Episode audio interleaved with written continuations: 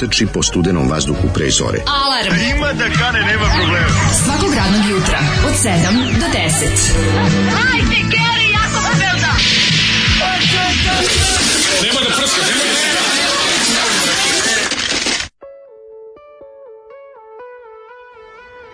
Yeah! kut, kut suncokret bio. Ovo su, bi, grupa Suncokret. Excellent. Uvijek su mislili da su Suncokreti, međutim oni su jednina. Možda su bili Suncokreti pa su onda postali samo Suncokret. Nisu bili Suncokret grupa, ovaj, sad baš gledam sve varijacije, imena nigde nije množina, ali znam da ih ljudi često zovu Suncokreti, jebi ga, kao mhm. što kažu e, Maideni. Zove se grupa Iron Maidens. Da. Razumeš, kažu Maideni, znaš, Spederi, Demnidi. Da kažu Suncokreti. O, majka Mila, pa nije, nisam znao da ovde, ovde ovo bilo baš oko ozbiljno, ovaj, kako zove, radna organizacija kroz koju je prošlo nekoliko desetina hiljada ljudi. Ja, je to bio kulturno. Pomenuo bih samo Bore Đorđević, mm -hmm. Gorica Popović. Krstić, Gorica Popović, Popović. Gorica Popović pojela ostale e, članove benda. I, pazi, Vd je bio, Vidi je bio tu, i, i, Ivan Vidović. Da, da, pa Duža, du, Duda Bezuha i Mlađe Besluha. Mm -hmm. Društvo i ekipa. I oni su svi čovječe, samo ti ja nismo ovaj... Mhm. Mm Samo ti i ja nismo. Kako će on ovaj, bez uha u svatove? e, krenuo bez uha u svatove, što bi se reklo.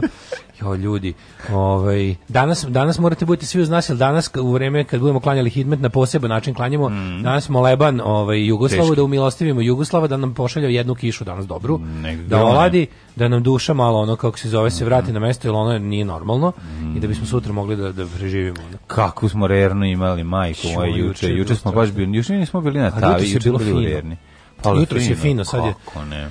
kako bi valo sam da ostane da spavam. Ja znači, spavam ću, ras, ra, raspečim sve, bukvalno spavam na ulici, ono, znači sve na izvolte, ja zamišljam kad već, ako, već u 4.30 je dan na polju, Ljudi koji prolaze i gledaju ga, ja ga gledam kako spava. Ja spavam gona na krevetu raskričen i neko uživa ko prolazi ulicom. Ono. Pa šta ti misliš da ljudi baš gledaju tebe kako svađa? Pa to ja različit grdnik pa u četiri, tako u četiri mora prođe Ali, mojom ulicom. Taj ima muke u životu, mislim, sviđa sigurno ne gleda. mi se tvoj, taj, kako bi rekao, ovaj eh, rašomonski, ne rašomonski nego e, e- egzibicionistički moment da. gdje ti ovaj voliš da iskažeš, da pokažeš sebe ja u svoj svoj telesini. Ja sam pečio sam se i otvoriš naravno prozore. Sve, al znaš kako dobro, znači baš se gleda u fazonu kao kakav divan onako. Ja recimo, ja bih jako voleo ja recimo da volim da, da dočekujem stare udovice na sahranama, u sa mantilama ispod nemam ništa i onda da pokažem tako kad se one pojave.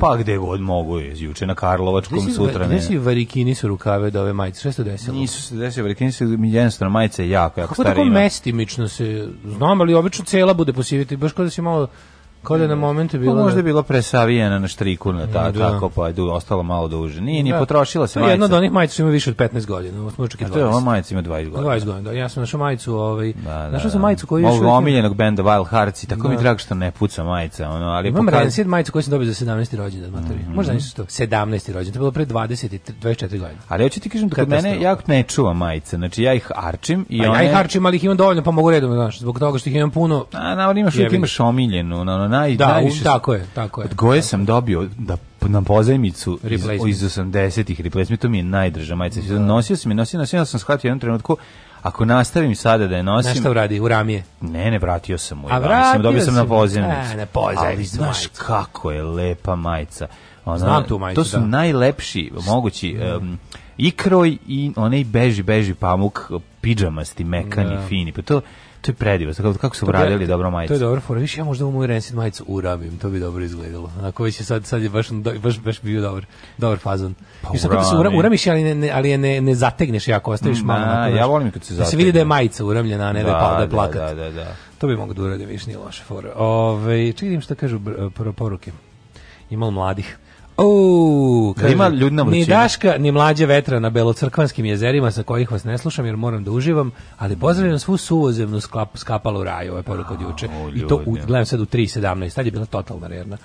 Ovaj uživanjem trebalo uzdun uzdun. Mlađe koji lik iz Karlovca što valja auta, imal sajt, daj generalno neki savet, iskustvo za kupovinu polovnjaka za ženu, sebe i malu bijebu. Evo ovako, ja ništa ne mogu da vam garantujem, jedino što mogu što sam video da su automobili koje on lično dovezao ovaj, u, u jako dobrom stanju, mislim da lepo izgledaju, da bira dobre komade.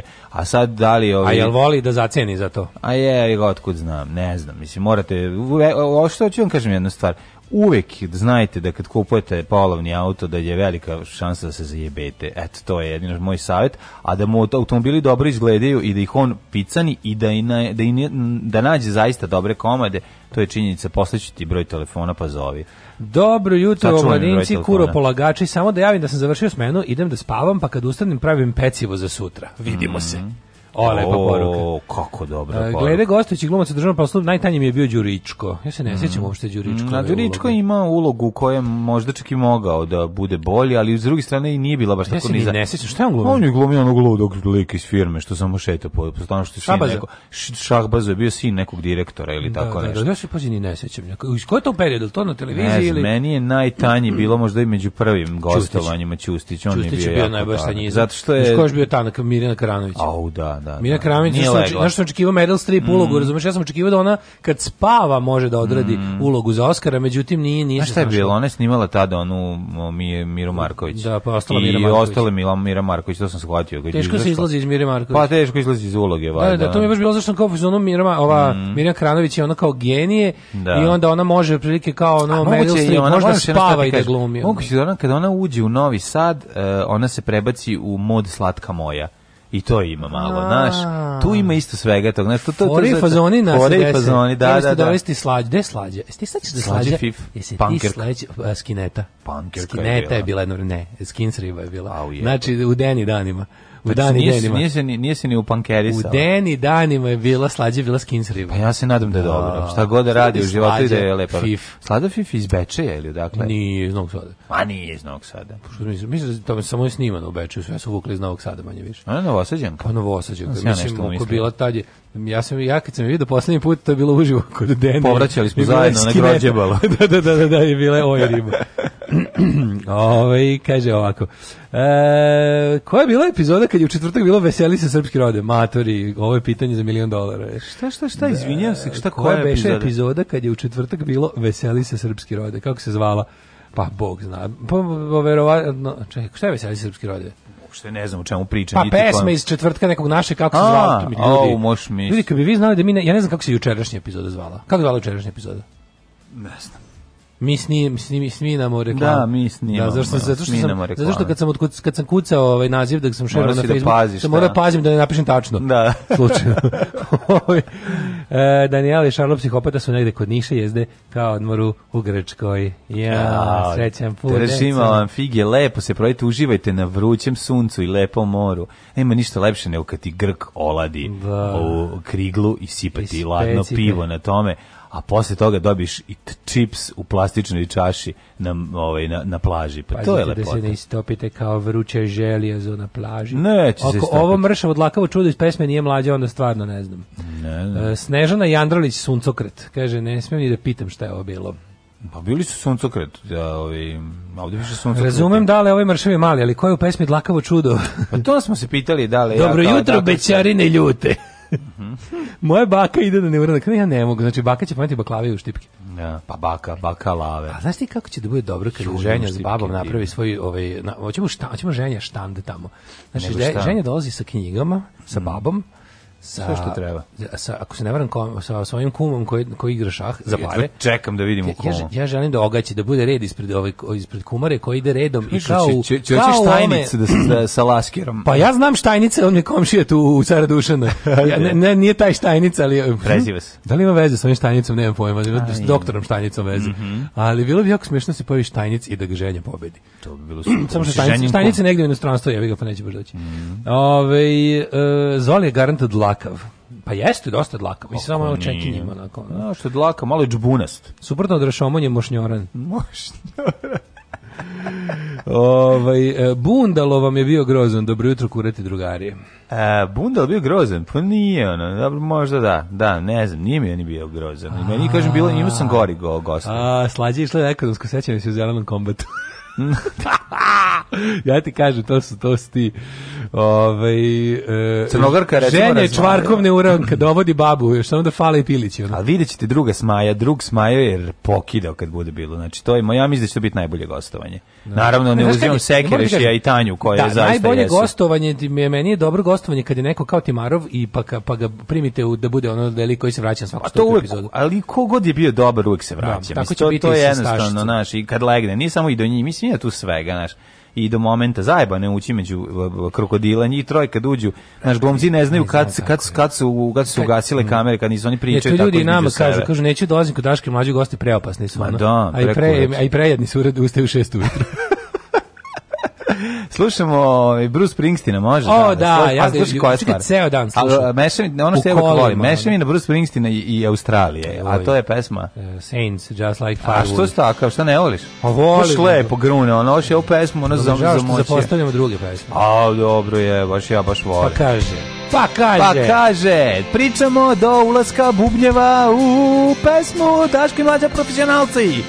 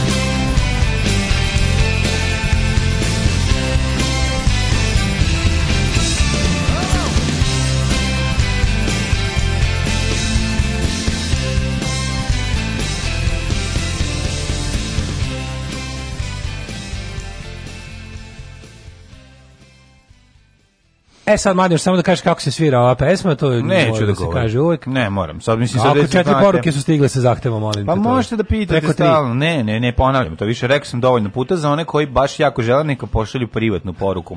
Kaže u Viber grupu i ja ću odgovoriti. Kad je bio Daško i Đorđe show, rekao sam ja mogu da gostom ujutru i ništa, još me ne zovete. Evo sad mogu da dođem u državni posao, imam slobodnog vremena, slobodno se javite kad god treba, čao. da bi ljudi ni stokiri što se onako uvaljuju, ali mm. diskretno. Ono. Um, mladene, koji akordi su? Pa kako se svira ova pesma, mladene? Da li će nam mladen dati kratki tutorial za sviranje ove pesme? Već ste čuli, imate, da. kažem, a kome baš treba lično, ja ću lično, poslati. Naravno, aj to se mlađe, juče ja sam ga vidio lepe po kvartu oglase sa onim šiškama za časove gitare. Mm. Znaš kada ovaj, kada Žiki Đerejs objašnjava ovaj, kako Twitter funkcioniše. Kada nešto ne zanima, dođeš da gnjaviš o tome. Kao, to je kao kad ja sad u gradu stavio guitar lessons i ostavio brojeve i nazove me čovjek i kaže I don't want your fucking guitar lessons. Tako je on gledao da se svađa sa Twitteru oko stvari koje te ne interesuju. Meni je najbolje, no thanks. Šta je bila ona za gitare, za, za šiško? A, za banjo, banjo lessons. Banjo no lessons, thanks, no thanks, no thanks, no thanks. I još je neko je ocepio. Očupljeno, očupljeno. Par da. komada ocepljeno, da. -huh. E, da li ženja dolazi sa noktom? Da, ženja je angažovana, vi ne znate, sad kažem, mali mm. plan je bio. Ja sam se uplašio zbog broja ljudi koji dolazi, do da jednog trenutka može da ponestane hrane. I rekao sam ženji da ukoliko se to desi, ja mu dajem signal i on se izuva i onda ljudi jednostavno gube apetit. Da, I da, više da, da. niko neće tražiti da jede. To je, ne nek, to je da- neki plan. Da imaš dve te tehnike, imaš da ubaciš da zaljutiš kotlić i da smanjiš ovaj To je skuplja verzija. Lakše mi je da ženja pokazuje nokat. Lakše, ne, bolje, bolje ženja pokaže nokat, da, da. znači moći i deca manje da jedu. 5 6 kotlića treba to sve zaljutiti i to je skupo. Skupo, skupo A, pa da. kako ne. Ko će Eroš ovaj. pište naći toliko? E, hoćemo gostovanje Vlaškog maga u emisiji. Uh, gledao sam juče Kova Adisa Ida, odličan je, odličan, da. objektivno, to je stvarno pa film, film, film. Ostrava je film, mm -hmm. film je mhm. remek delo. Ove, um, pa kaže ovako, kad budu majice, podsjeti ga za ono moje mlađo, dobro kad budu majice. Važi. A, letnja pauza, pa onda. E, šta sam ti teo reći, mane, kako si provio jučerašnji red na dan? Ono je bilo... U, mi s tim da, je, da tebi bilo teško, ja išao na Saranu u jedan sat. Je, pa ja samo na Sakranu nisam išao juče. Pa ti ne možeš da zamisliš. u zadnje dva dana da moram da. stalno da negde idem u pizdu. Znači imao sam utisak da ono, da neko ide lu, lupom iznad mene i da me prži sve vreme. Da si buba iz spota Black Hole Sun. Sva sreće, pa su ceo projekt ovaj, ubrzo ubrzali, pošto je situacija takva kako je bila. Pa mogla da ode, bude masovno, ode, ode Zagorkina sestra da. ovaj, 2 metra pod zemlju, baš mi je onako bila. On, Ali, mlađi. za nas rok... Ali eh, s druge strane, ta, takav je život, šta da se radi. To Ali jeste... baš ja sam nju jako voleo, svoju babu tetku i bili smo jako bliski. To je sestra da rođena tvoje babe. To je rođena sestra Ali za rock, a za rock ljude ona je majka bubnjara iz grupe Balkan. To mi kaže. Zubina mama. E, to, je, e. zato je to velika žena. Tako, pa ona je rodila jednu taku... što rodila i rokera. Boga mi rodila ona dva rokera, ti ne znaš. Dva rokera. To ima troje, troje, troje, troje muške dece. Bugarski ili tako? Tako je, tako. A čekaj, koji su oni neki, zar nisu i Zar još neki bugarski svira u Balkanu? Pa nije. Jedno vreme. Ne, verujem. Možda neke burazere. Nije, da, da, da, nije, nije, nije, nije, nije bas neko vreme isto bio bugarski, nije. Nije, nije. Možda je bas, ne, bas je svirao Gucunski. Gucunski, da, to bugarski, je, da, da. E, Gucunski, bugarski A ne, to je sin, on je sin uh, Zagorkinog brata rođen. O jebote, pa to znači, grupa Balkan je ono, oni su... Ali on je Gostić, Nije, nije, on je Gostić, on je uglavnom cepao u kafanama dok je bio da, mlad. Da, da, da, Tako da, da su oni taj rock moment prebacili. Ovo je, ovo je, pa eto, mala zanimljivost. Jel se vidio zubu? Jesam. Šta kažeš Zubel, dobro. Kao Iggy Pop. Jel ima neko, kao Iggy Pop, Ma, da. će biti neki povratnički, šta ja se čuo s Lekijem, kako si Pa da nisam da ništa stigao da pričam s njima, pošto znam, sam, pošto sam, majka ja sam otišao iskreno, evo sad ću ti reći šta je bilo, ja sam Nije pogrešio, ovaj, otišao sam na pogrešno groblje prvo u Karlovcu. A je na Čeratu ili na kom? Na Čeratu je bila, ja nisam da ima još jedno e. groblje u Karlovcima, tako da sam, eto, to je bio prvo greška. Prvo sam greška, otišao sam u, Karlovac kod Zagreba, da. greško. to kod bilo Zagreba, na pola puta do rijeke, čovječe, pa skoro do rijeke, dobro, u Hrvatskoj. A onda se u Banatske Banatske Karlovce. Onda nisam, ne, onda vratio sam se nazad, kasnio sam, ali sam vratio, ja sam otišao na pogrešno groblje u Karlovce da bi na kraju otišao na Čerat to, ovaj, Čerat, koji što... Pa da nisam znao kako se zove. Otišao sam prvo na grob Branka Radičevića, pa sam se tamo njemu ovaj poklonio i iskašljao dušu. I on, ta, ta vrućina, ta sprženost, to, to, ja ne mm, znam. Scorched earth. Znaš kad ljudi, ono su tako ljudi samo ćute. Ne, pa pretila da bude masovna sahrana. Pa što je ono, ono nije normalno. To je Tako da, da eto, to je bio moj dan, sam pobjegao s te vrućine na drugu vrućinu, vozi vamo, državam. Znači, sve vreme mi u autu klima bila na najjače. Znači, razvaljuje i opet ne može pošto ovaj kroz staklo prođe jel da sunce i e, uprži unutra najjače... vo, volan peče sve vreme Znači, da, da volan da, da, ne može da, da, prestane da, peče. Znači, mokre ruke uzmeš po... peče, ono vruć, vruć volan, majko moja nego sam ti teo reći. neko uvali vruć volan u ruke. Da, vuć volan u ruke. Vuć volan u ruke. Najbolje, pošto u gradu ne možeš da se zaletiš kolima. Da. Znači, najbolja kombinacija ti je klima na dvojci i brzo idenje. Onda, Tako to, da onda moram to bude da kažem super. da sam video rodbinu koju nisam video, pa mi neki od njih čak 20 godina. Jesi, Tako da ovaj, da smo ono malo jesi, ovaj, jeste kratko rekli jedni drugima ono što meni moj drugari rekao. šta radite, kaže, niko ne, ne vidimo se nikad. Je rekao, vidje, i poslednje moje reči se vidio, uglavnom ćemo se vidjeti po sahranama. I to je to. Da, baš drugačije. Bio si gradonačelnik opšteg mesta. Bio sam takav, da li ste, da places. Da, da li, ste, da, li ste rekli jedni drugim ono što meni kaže moj drug Adi kad se vidimo? Daško, mi se tako redko vidimo, a i to je previše. Da. to, je, to je meni jedno od omiljenih Dobro, dobro. Pa nisam rekao, ali ono, znaš, mogu sam da istremo. Ne znaš ti kako... Kosne, sluši... nisi dovoljno, nisam dovoljno boga da bi kupao skupo a evo, evo, i slične stvari. Evo, to sa tim tvojim problemima odmah budeš, ovaj, odmah si gospoda odnosno nekog. Ja. I kaže, ne znaš ti kako peče šipka u busu, moj mlade. Znači, ne možeš, kako god kažeš uvijek je neko ispod. Brate, kako peče šipter u busu, e. kako šoram nisam razumeo, nisam razumeo. E. Znači, nema, ovaj, kako se zove, kako, e, šta god kažeš uvijek neko ime, znači, uvijek su rudari ispod. Pa dobro, uvijek, ne mislim ja da, nisam ja kukao na moj boravak u automobilu, da, sve je okej, okay, malo čener hvalisanje u odnosu na neko ko je, da, recimo, da. peške išao u jedan sat, ali ali koliko je drvo jedno značajno, jedno drvo. šta, Znaš da tri drveta, ceo, tri drveta obezbedi kiselnika za jedno za 60 godina disanja jednog čoveka. Ja sam mlađi moj juče. Dakle to sam juče saznao. Sam Tako da ti to ja sam juče bio da totalno ja da zasadi bar po pet drva. Juče sam bio onaj deep ecology. Oni ja sam bio fazonu treba podmetati bombe u ono kao u, u nove treba treba podmetati bombe pod nova gradilišta, pod multinacionalne kompanije kod nas. Mm -hmm. Juče sam bio što bio fazonu kao u pravu su radi samo radikalna ekologija. Spreman sam ne znam, pošto pošto 7 sati onog pečenja Mm-hmm. Mm-hmm.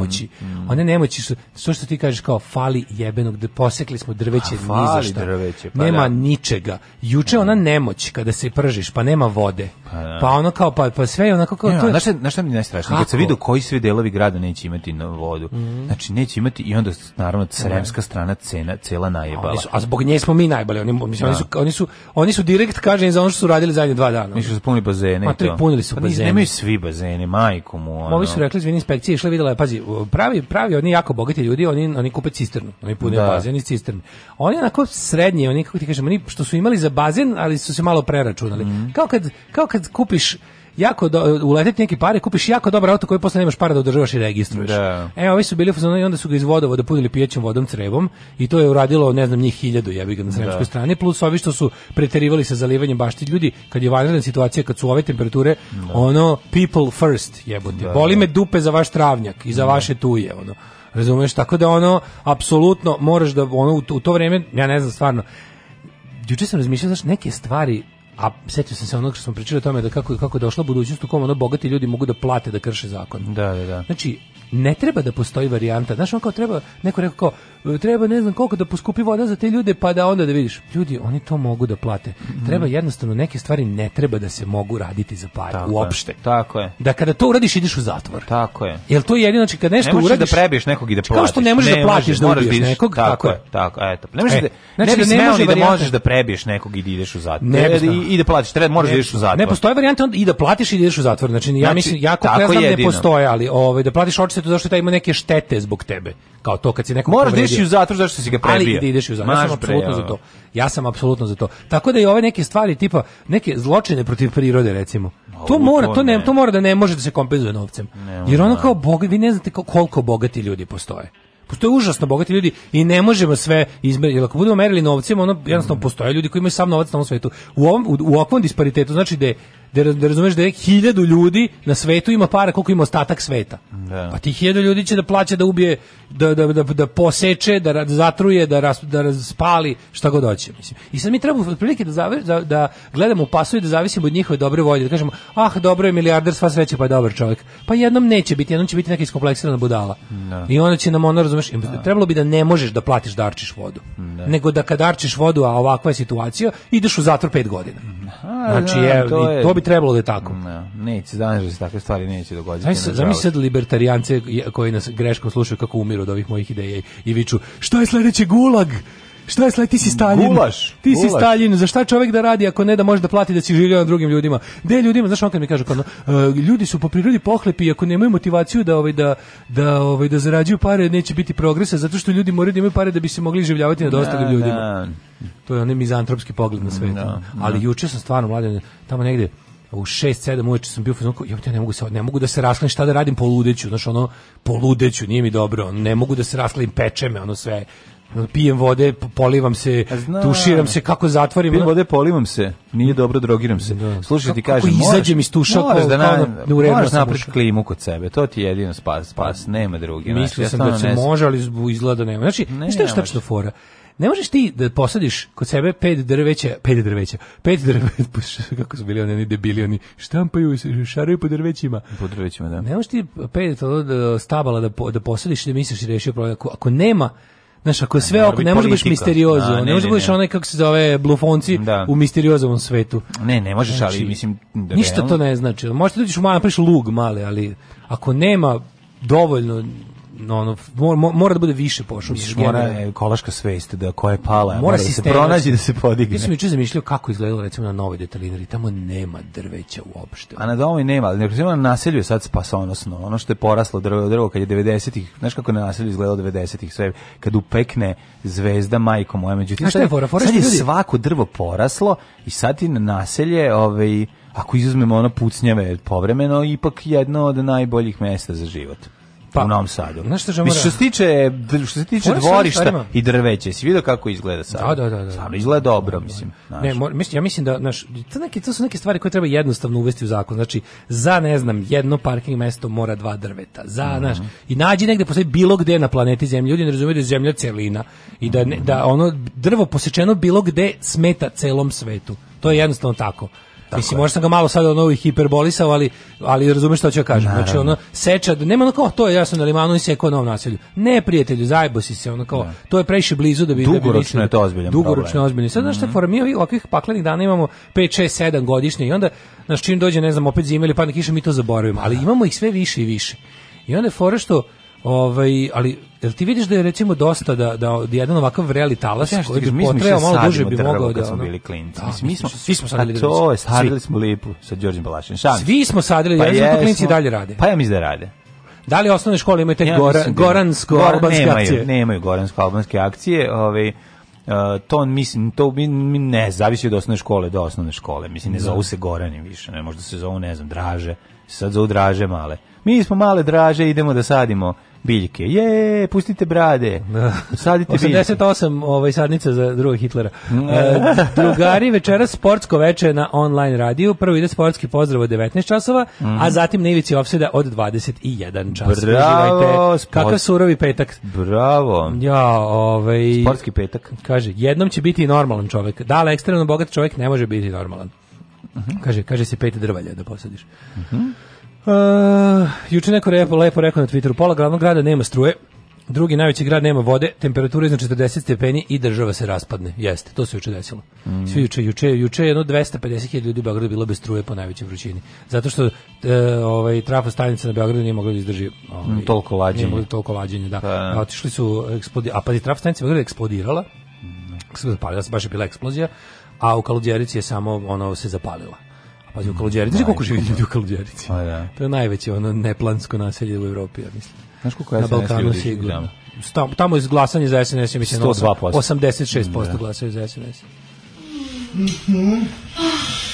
Ja bolje ovo je seriju gledati. Uh, wow. Alarm sa mlađom i Daškom.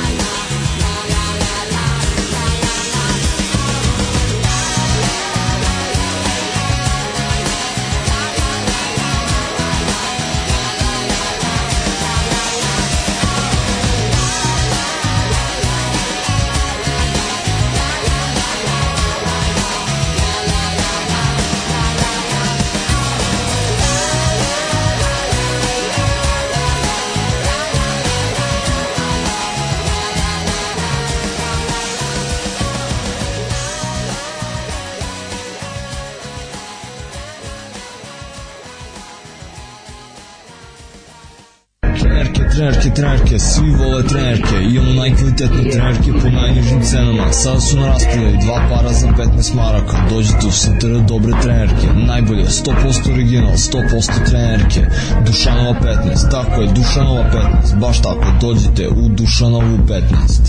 Ženski boli po muškarci kvalitetne trenerke.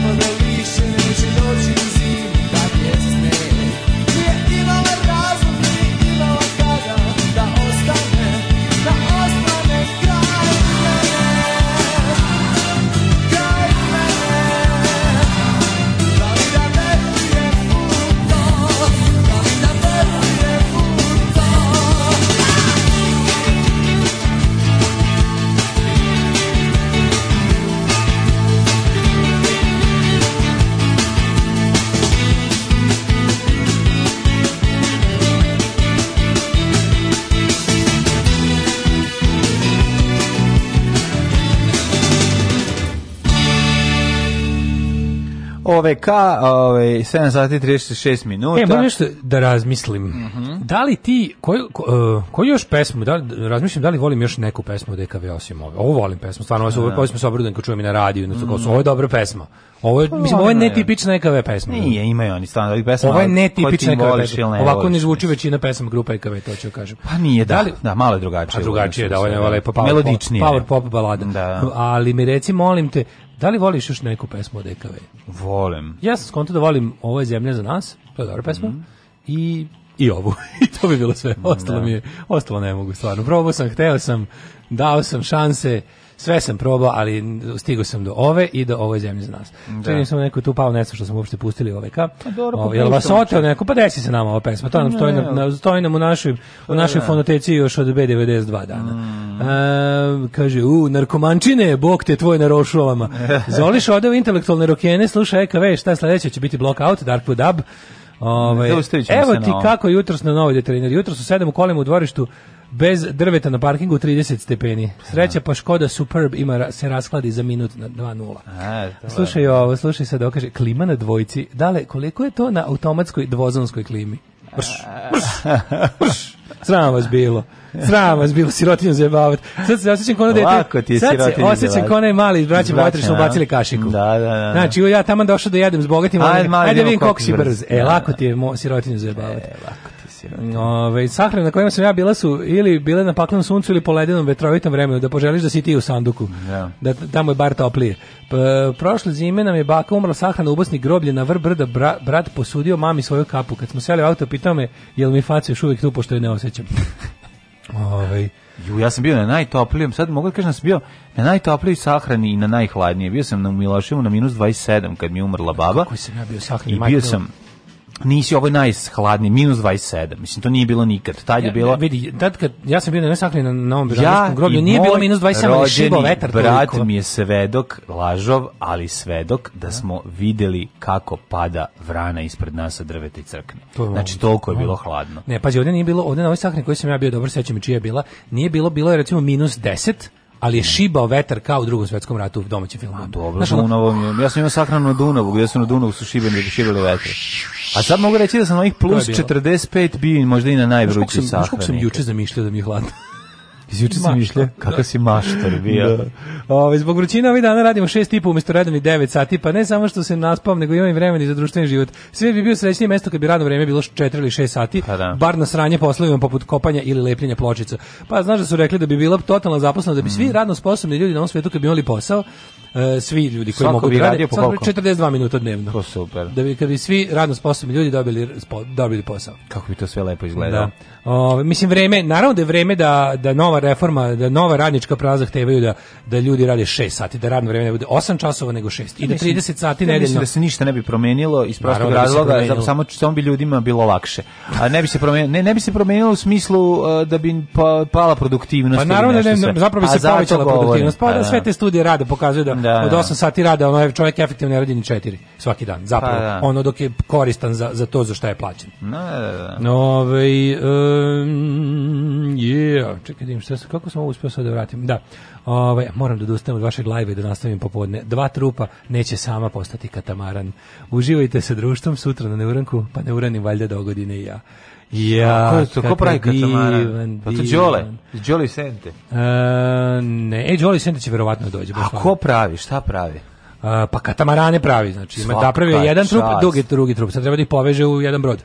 Svaka Juče sam prošao pored te trafo stanice u Kaludjerici, malo izgledam kao Moskva 1812. Hvala Bogu, tu gde da se ona nalazi nije naseljeno više na nekoj livadi.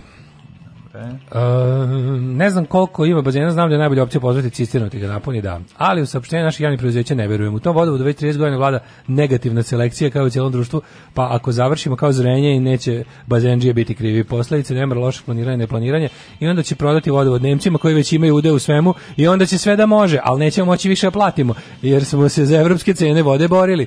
No. Da, da fore što ovaj ne, ovo, ovo nije saopštenje, ovo mi je ovaj rekao čovjek koji radi vodovod. Kaže stvarno dođemo iz, izlazi na teren, lik ono već dovršava punjenje bazena bazena koji otprilike ima ono 10.000 kubika mm. i punio ga crevom. Znači, a drugo, zašto rade banditi? Znači, kada prave pa, bazen, zaobilaze, zaobilaze vodomer. Tako je. Pa onda, znaš šta još rade? Lik na telepu, juče isto bilo, neko je fotko stavio na Twitter, lik uzeo na ulični hidrant, onaj, na, na ulični hidrant, na, na takarju crevo i puni bazen. Pa da, bi da, da, ja ne znam kako to uopšte ono... Kako to radi? Pa ne, mislim... Uh, eh, eh, eh, radi što taj ulični hidrant služi to, za... To je javna voda koju plaćamo svi. Pa da.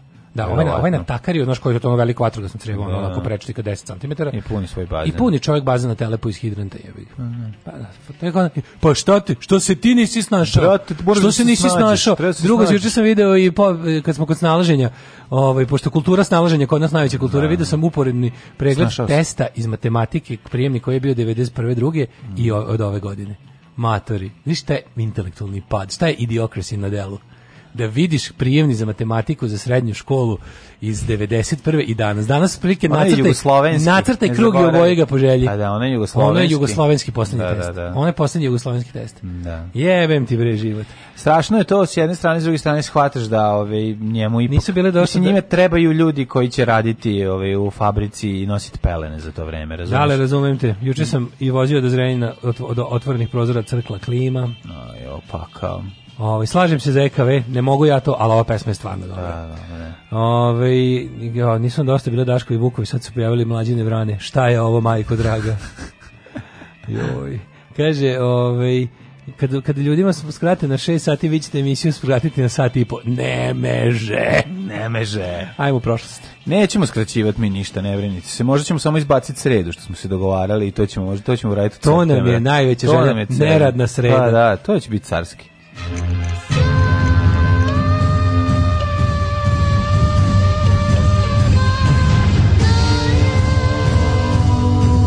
Dogodilo se na današnji dan.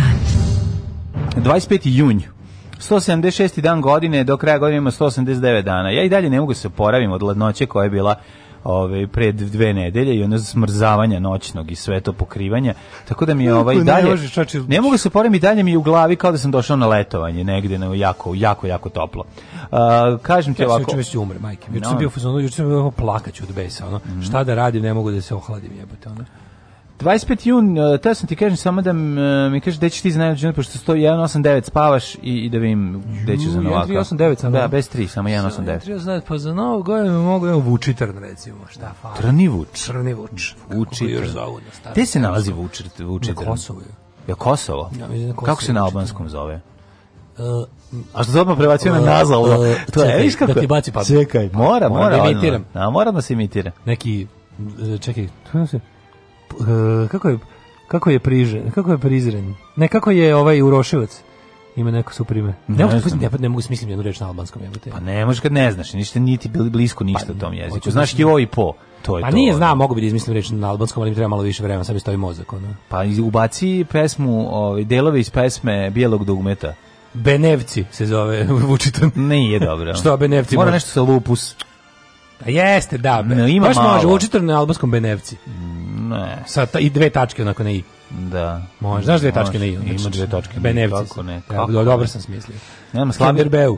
Da, Skenderbeu. Uh, Albanovci. Ima i to, kao što novi Alba, što, kao što mi, stari Albanovci, novi Albanovci. novi Albanovci. 841. godina kojom počinje moja historija, da li se slažete Milinovićom? Mhm. Mm da. Franački prinčevi, Ludvig Nemački te Karlo Čelavi su naneli poraz caru u bici, inače svom bratu ovaj Lotar u bici kod Fontnoa. Živko od cara. Zvala se eh, bitka tri brata. Da, to sam ja sad bitka tri brata. Mm. Ja, ovaj, I to tri ništa... brata rođendan na zidu smrdi. Nemam ništa 1509. E, eh, može. Kada je Henry VIII i Katarina Ragonska su okrunjeni kao kralj i kraljica engleske. Mm -hmm. 1741. Marija Terezija... 1530. Uh. Augsburška konfesija je predata caru Karlu V. Šta je Augsburška konfesija? Eh, vidi, ovako je. Eh. Pre, eh, profesore, mm -hmm. Augsburška konfesija. Mislim, mm -hmm toliko je tome pisano, toliko je mm -hmm. zaista značajan događaj, Nini čudo da je eto nekoliko stotina godina nakon nje pamtimo ovaj značajan događaj. Sadite kolega, jer... to je prvi zvanični dokument eh, ali, uh, um, luteranske veroispovesti. To sam hteo da kažem. Mislim, naravno, hteo sam da primali uvod čisto da, da ostale kolege koje polažu mm -hmm. ispit shvate značaj mm -hmm. ovog događaja koje ne znam ni ime da ponovim posle 12 mm -hmm. sekundi. Uh, Marija Marija je okrunjena kao kralj Ugarske. Da, kao kraljica Ugarske. Kao kraljica. Jeste. To je, 1767. No, što, da, što su morali da naprave tu, jel da pretumbaciju da znači ratovala Austrija boga mi bila bila pretendenata na na presto i to se kao zove... ćerka to se zove čekaj čekaj samo se San, pragmatična sankcija. Pragmatična sankcija. Pragmatična sankcija. 1767. posada broda Dolphin pod zapovjedništvom Samuela Wallisa mm -hmm. otkrila je Tahiti. Tahini. E, tahini. Tobias Furno da. je prvi evropski koji je stopio... Daš Tahini bacio da, peglo. Da, rekao sam, majko mi je ukus prašine. Ove, 1788. Virginija postala 10. savjezna država koja je ratificirala ustav Sjedinjenih država. Mm -hmm. 1847. oslobođeni crni robovi iz SAD, osnivači Liberije, proglasili su Afričku državu nezavisnom republikom. A 1872. Na isti dan je Liberiju priznala da su Sjedinje američke države 20 godina kasnije. Tako, uzmi Uberije, stigli iz Iberije. 1872. Jezuit izbačen iz Nemačke 90 godina pošto je papa Klement IV. ukinuo taj rimokatolički red. Znači... 1867. Lisien Smith iz Ohaja patentirao bodljikavu žicu. Početak, govnarluka, oh Majko, znači da. to je onako, ja mislim da je bodljikava žica, to je, za mene je to simbol kapitalizma. Mm -hmm. Moje ne dam, odbi, ne delim, beži. Da. Bodljikava žica bi trebala da bude, na, da bude simbol libertarijanizma, onako venac od bodljikavih žica na toj crno-žutoj zastavi.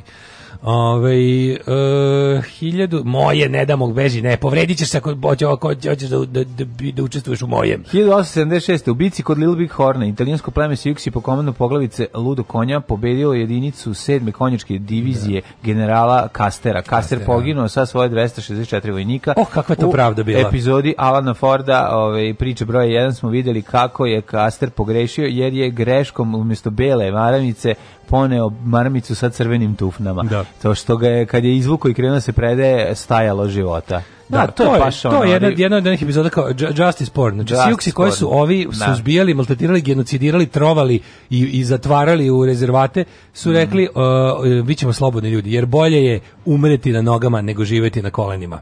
Crazy Horse. 1920. u Vukovaru završen drugi Vukovarski kongres socijalističke mm. radničke partije Jugoslavije, koji, na kome je njoj izmenjeno ime da. i promenjena je naziv u komunistička partija Jugoslavije, KPJ mm -hmm. Vukovarski mhm. kongres, mm -hmm. 1925. Kaže ovako, ove, za predsjednika Centralnog partijskog veća izabrani su Pavle Pavlović da. i Jakov Lastrić, da. a za sekretara Filip Sima Marković Filipović. i Filip Filipović. 1925. Užice stigao prvi voz popularno nazvan mm -hmm. Čičiro. Mm. A, 38. da se saobraća 1974. Da. kada je ukinuta pruga uskog koloseka. To je uskotračna železnica. Ta uskotračna da. železnica postoji još gore na ovom Šarganskoj. Ovaj, na Mokroj gori oko Šarganskog napadano, da, šarganska osmica uz malo, malo ovaj, uz, uz, da. A forešt, recimo, postoji, taj, to je bio prvi evropski standard železnice, onda drugi ovaj sadašnji, a postoji i ruski standard železnice, to je još širi među, među ovaj, šinski razvoj. Ne bi mogli da te napadnu. Od prilike, da. Znaš da to kad prelaziš, da, da to najbolje kad ulaziš u Rusiju čekaš da se zameni... Da se zameni vagoni. vagoni da, da, da, da, se zameni ove ovaj, točkovi na vagoni. Točkovi. Da se stavi šira ova. Kako se to e, menja, to ne znam da se podižu nečije. ti izlaziš iz Audi ja mislim da voza, da se, ne? Ja mislim da, e, to ne znam više, ste, vi koji ste išli vozom u Rusiju, da. da li se prelazi drugi vagon, da li se vagon može adaptirati bez da putnici izlaze, mm. to da mora se podiže. Znači Pomoćni znači, točkovi. Da li ima neki, da, kako se to radi? Tehnikalija nas zanima, iako mm. sigurno ima na mm. YouTube da se vidi. E, Douglas Hyde inaugurisan za prvog predsjednika Irske republike. Da. Pa onda 1942. svetski rat Francuska se službeno predala Nemačkoj, to je da. potpis. Mm -hmm. 42. britansko ratno vazduhoplovstvo bomba na zasulo Bremen, važnu pomorsku luku. Jeste. 44.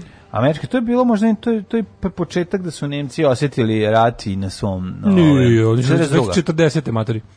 Bombe su pale na Berlin. Pa, jesu, na, ne, ozbiljnije. Kad su pale bombe? Prvo? Već 40. Već 40. Kad je počela bitka za Britaniju i, i Nemci bi znali da dobace, da Hamburg je bio mm. bombardovan, ovaj, kako se zove, ovo sve što mogu da Britanci su znali da e, šta sam rekao? Nemci si rekao. Ja, bože, da, Englezi. Englezi da. su na Englezi, da. Već, već 40. godine su mm. pale prve bombe na, ovaj, još pazi, Nemačka je dobila, nije to ništa uticalo na nemački moral, ono vreme oni su tad verovali da je to samo kao da. očajnički pokušaj Britanije koja samo što nije pala.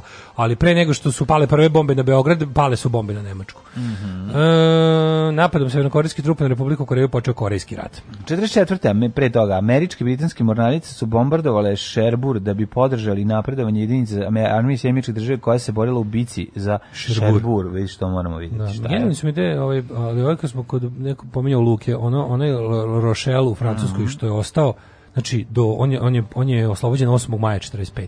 To je meni potpuno nevjerovatno da je to da je cijela Francuska bila slobodna već ono 9 meseci ono dok dok nisu oslobodili taj jedan to, to oko Luke jebote ono to mi tako tu su odatle na nemački podmornici pa, isplovljali do zadnjeg dana rata zato što su e pa se što su evakuisali odatle e, kako misliš evakuisali su pa verovatno su a da ali kako pa- zadržavali da bi zamisli kako izgleda znači da bi, pa, zamisli u maju 45 sve sve gotovo i imaš taj a u Francusku je su prvo ušli saveznici da, na, na, da, da, zapad da, i da ne uspeju da osvoje celu Francusku nego da ostane ta jedna luka do kraja rata u nemačkim rukama. To je potpuno neverovatno. Pa kažem ti što koji razlog bi mogao. A da nije ostrvo, nije razumeš. Nije Sevastopolj. Nikada kao Sevastopolj, da. Što, Sevastopolj jako dugo isto. Da. On isto godinu dana skoro nakon Pa da, godin, on je pao godinu dana nakon nemačke mm. invazije na Sovjetski savez. Mm. I to i puno I to, vremena treba bude bio je duboko u, u os, osvojenoj pozadi, da. mislim već u, u da, nemačkim, da, da, svugde okolo oko Sevastopolja 500 km sve bilo u nemačkim mm. rukama. Mm. E, Jugoslavija i Vatikan obnovili diplomatske odnose 66. Mm -hmm. Pa je 75. onda Indira Gandhi, uh, premijerka Indi, Indije, Indira Gandhi proglasila vanredno stanje da bi zaustavila kampanju za njeno povlačenje s vlasti, da. uhapšena lideri opozicije sindikata i intelektualce. 75. Mozambik posle 477 godina dobio nezavisnost od Portugala. Mm -hmm. Mozambik u tu svrhu dobio najbolju zastavu na svetu.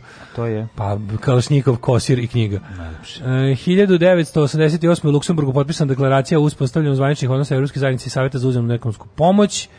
Pa su onda 91. poslednje sovjetske trupe napustile Čekoslovačku, znači dve godine trebalo da izađu, mm. isto kao iz Mađarske. Mm. Znači sećam se kad sam bio na letovanju 91. u leto u ovaj u, na Balatonu još su bu, bukvalno smo videli ovaj jedan konvoj Napušta. Rusa kako Aha. odlaze iz jedne baze i bilo je neverovatno da smo mi tamo negde krajem tog leta mogli da uđemo tamo oni su sve to oni su baze. izašli ostavili to tako otvoreno ta vrata sećam se ono čim i tamo su ljudi do, svaki dan dolazili tako šetali tuda Da I, kako i, ja da. bio tamo, ono, sa klincima iz Novog od odbojkašima uh, Vojvodine, što moj drugar najbolje trenirao odbojku, pa sam ja išao s njima na one kao neke pripreme, nešto da su bile. Da.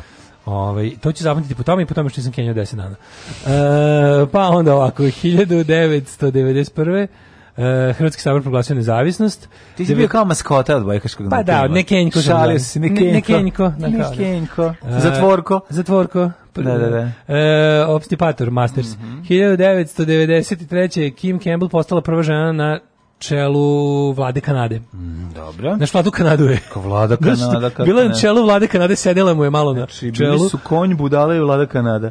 Da, ovaj, zbačen emir Katara, šejk Kalifa, spacio ga njegov sin, mm. uh, Hamad bin Kalifa Altani.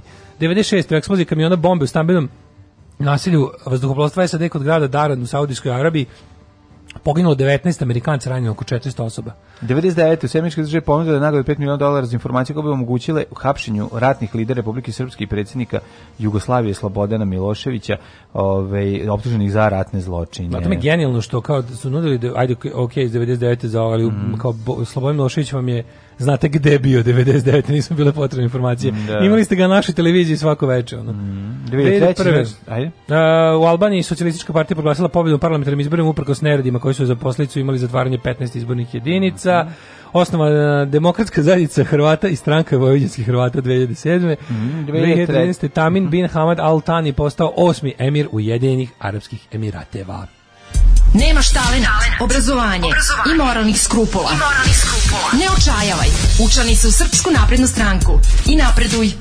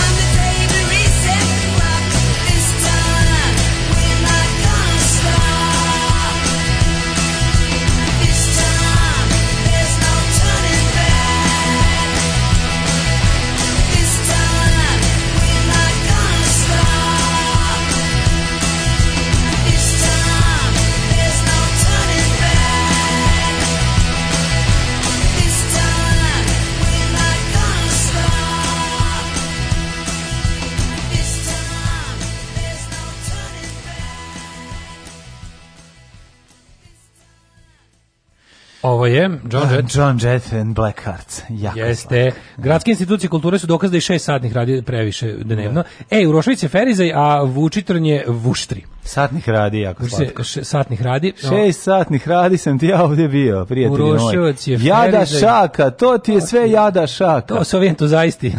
On je stvarno bio virtuoz. jada šaka mi najbolje. Moj stric je entuzaisti. Pa šta su oni jada šaka? Pa jada šaka.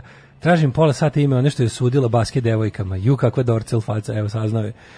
Gri, gizirla Viola Georgil iz Norveške, 86. godište. Mm -hmm. Ove, ovaj, uzmite slobodnu sredu, ali zovite srđana tog dana. Mm -hmm. Koji izbaci sredu, jebem ga u pedu. Mm -hmm. Oskudni skalp. Jel sme neko od vas dvojice da provede radni dan sa mnom? Ne da radite, samo da stojite na bezbednoj razdaljini. Aj skladno da nećete izdržati, kaže Krudi.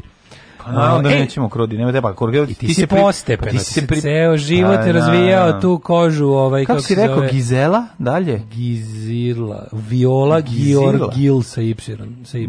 Viola Georgil, norveška. A stavi basket referije. Viola. Georg YL. Georg YL. Gil. Dobro, ne moraš sve, bit će Didjumin, pa će izaći. Nije da su Didjumin, ono, Didjumin, ono na albanskom Giđumin. Gidzo, Godzilla, evo, Godzilla, Viola. Ovaj, dobio sam Godzilla, odlično. Naći ja za sekund, pošto... Nemoj na deep net, ideš mlađi, molim te. Ne, otišao sam sad na deep Nemoj na deep net. Gotovo je, da evo ulaze iz... Rastori se voz, ulaze iz slušaj, ovo, rastori se voz, svaki vagon ide gore, menjaju se točkovi i izlazi se. Kaže, u čopu se to radi, dižu se kranom, dugo traje, zatvori se WC logično, ne ostajati unutra, klatiš se i nema piškenja. Pazi, možeš da ostaneš ako hoćeš. Svi se da mhm. moraju da izađu. Pazi, možeš ako hoćeš, ali klatiš se i nema piške. Ne bi ostao da spavam u, u vagonu koji se klati. To ne, bi ostao da spavaš. Pa bi. E, kaže, ovaj, boljika žica je originalno napravljena za stoku, ne za ljude. Puh, mislim, mm -hmm. bilo, ko, bilo koje ograđivanje, što, što bi, mislim, verovatno jeste za stoku, ali ono, ograđivali su ljudi, one te, te, te, te korale i pre toga. Da. Ove, ovaj, um, 10 dana, 10 dana, 10 kutija kurtona. Pomenuli ste Sjukse. Malo je poznato da je njihovo ime nastalo od toga što su Sjuga. Sjuksi, a, e, njihov vrhovni bog je Manitu nastao od manitati i izlivati ves. Mm -hmm. Apači su bili neukrotivi apaši, dakle indijanci su Srbi. Sad kad je Deretić umro, neko treba da nastavi njegov rad. Treba, naravno. Naravno. Ne smemo to zaboraviti. Mila, ćemo na neki rođendan lep dodati. Kako ne, hoću pez da delim hoću na rođendan. Da e, došao sam ovde pez da delim. Nisi mogao neke bolje bombone da nađeš ono. Dosta, je, od koga je dosta? Od koga je dosta? 1852 počinje meni Antoni Gaudi, španski arhitekt. Gaudi, Gaudi što zgradama naudi. Boga mi je pravi čovjek i sir i i i kad je stigao da uradi i tako dobar sir da- Jeste, i da i da tako arhitektiše, to je prosto neverovatno. On je kao krudi radi ceo dan na vrućem. Pa da. E, 18 1858. rođen je Georges Courtelin, francuski dramatišar, mm. 1860. Gustave Charpentier, da, da, gi, čuveni gistav. Oh, sam pročitao ovo dobro. Znači, si gleda francuski uh, crtani gistav? On je što le...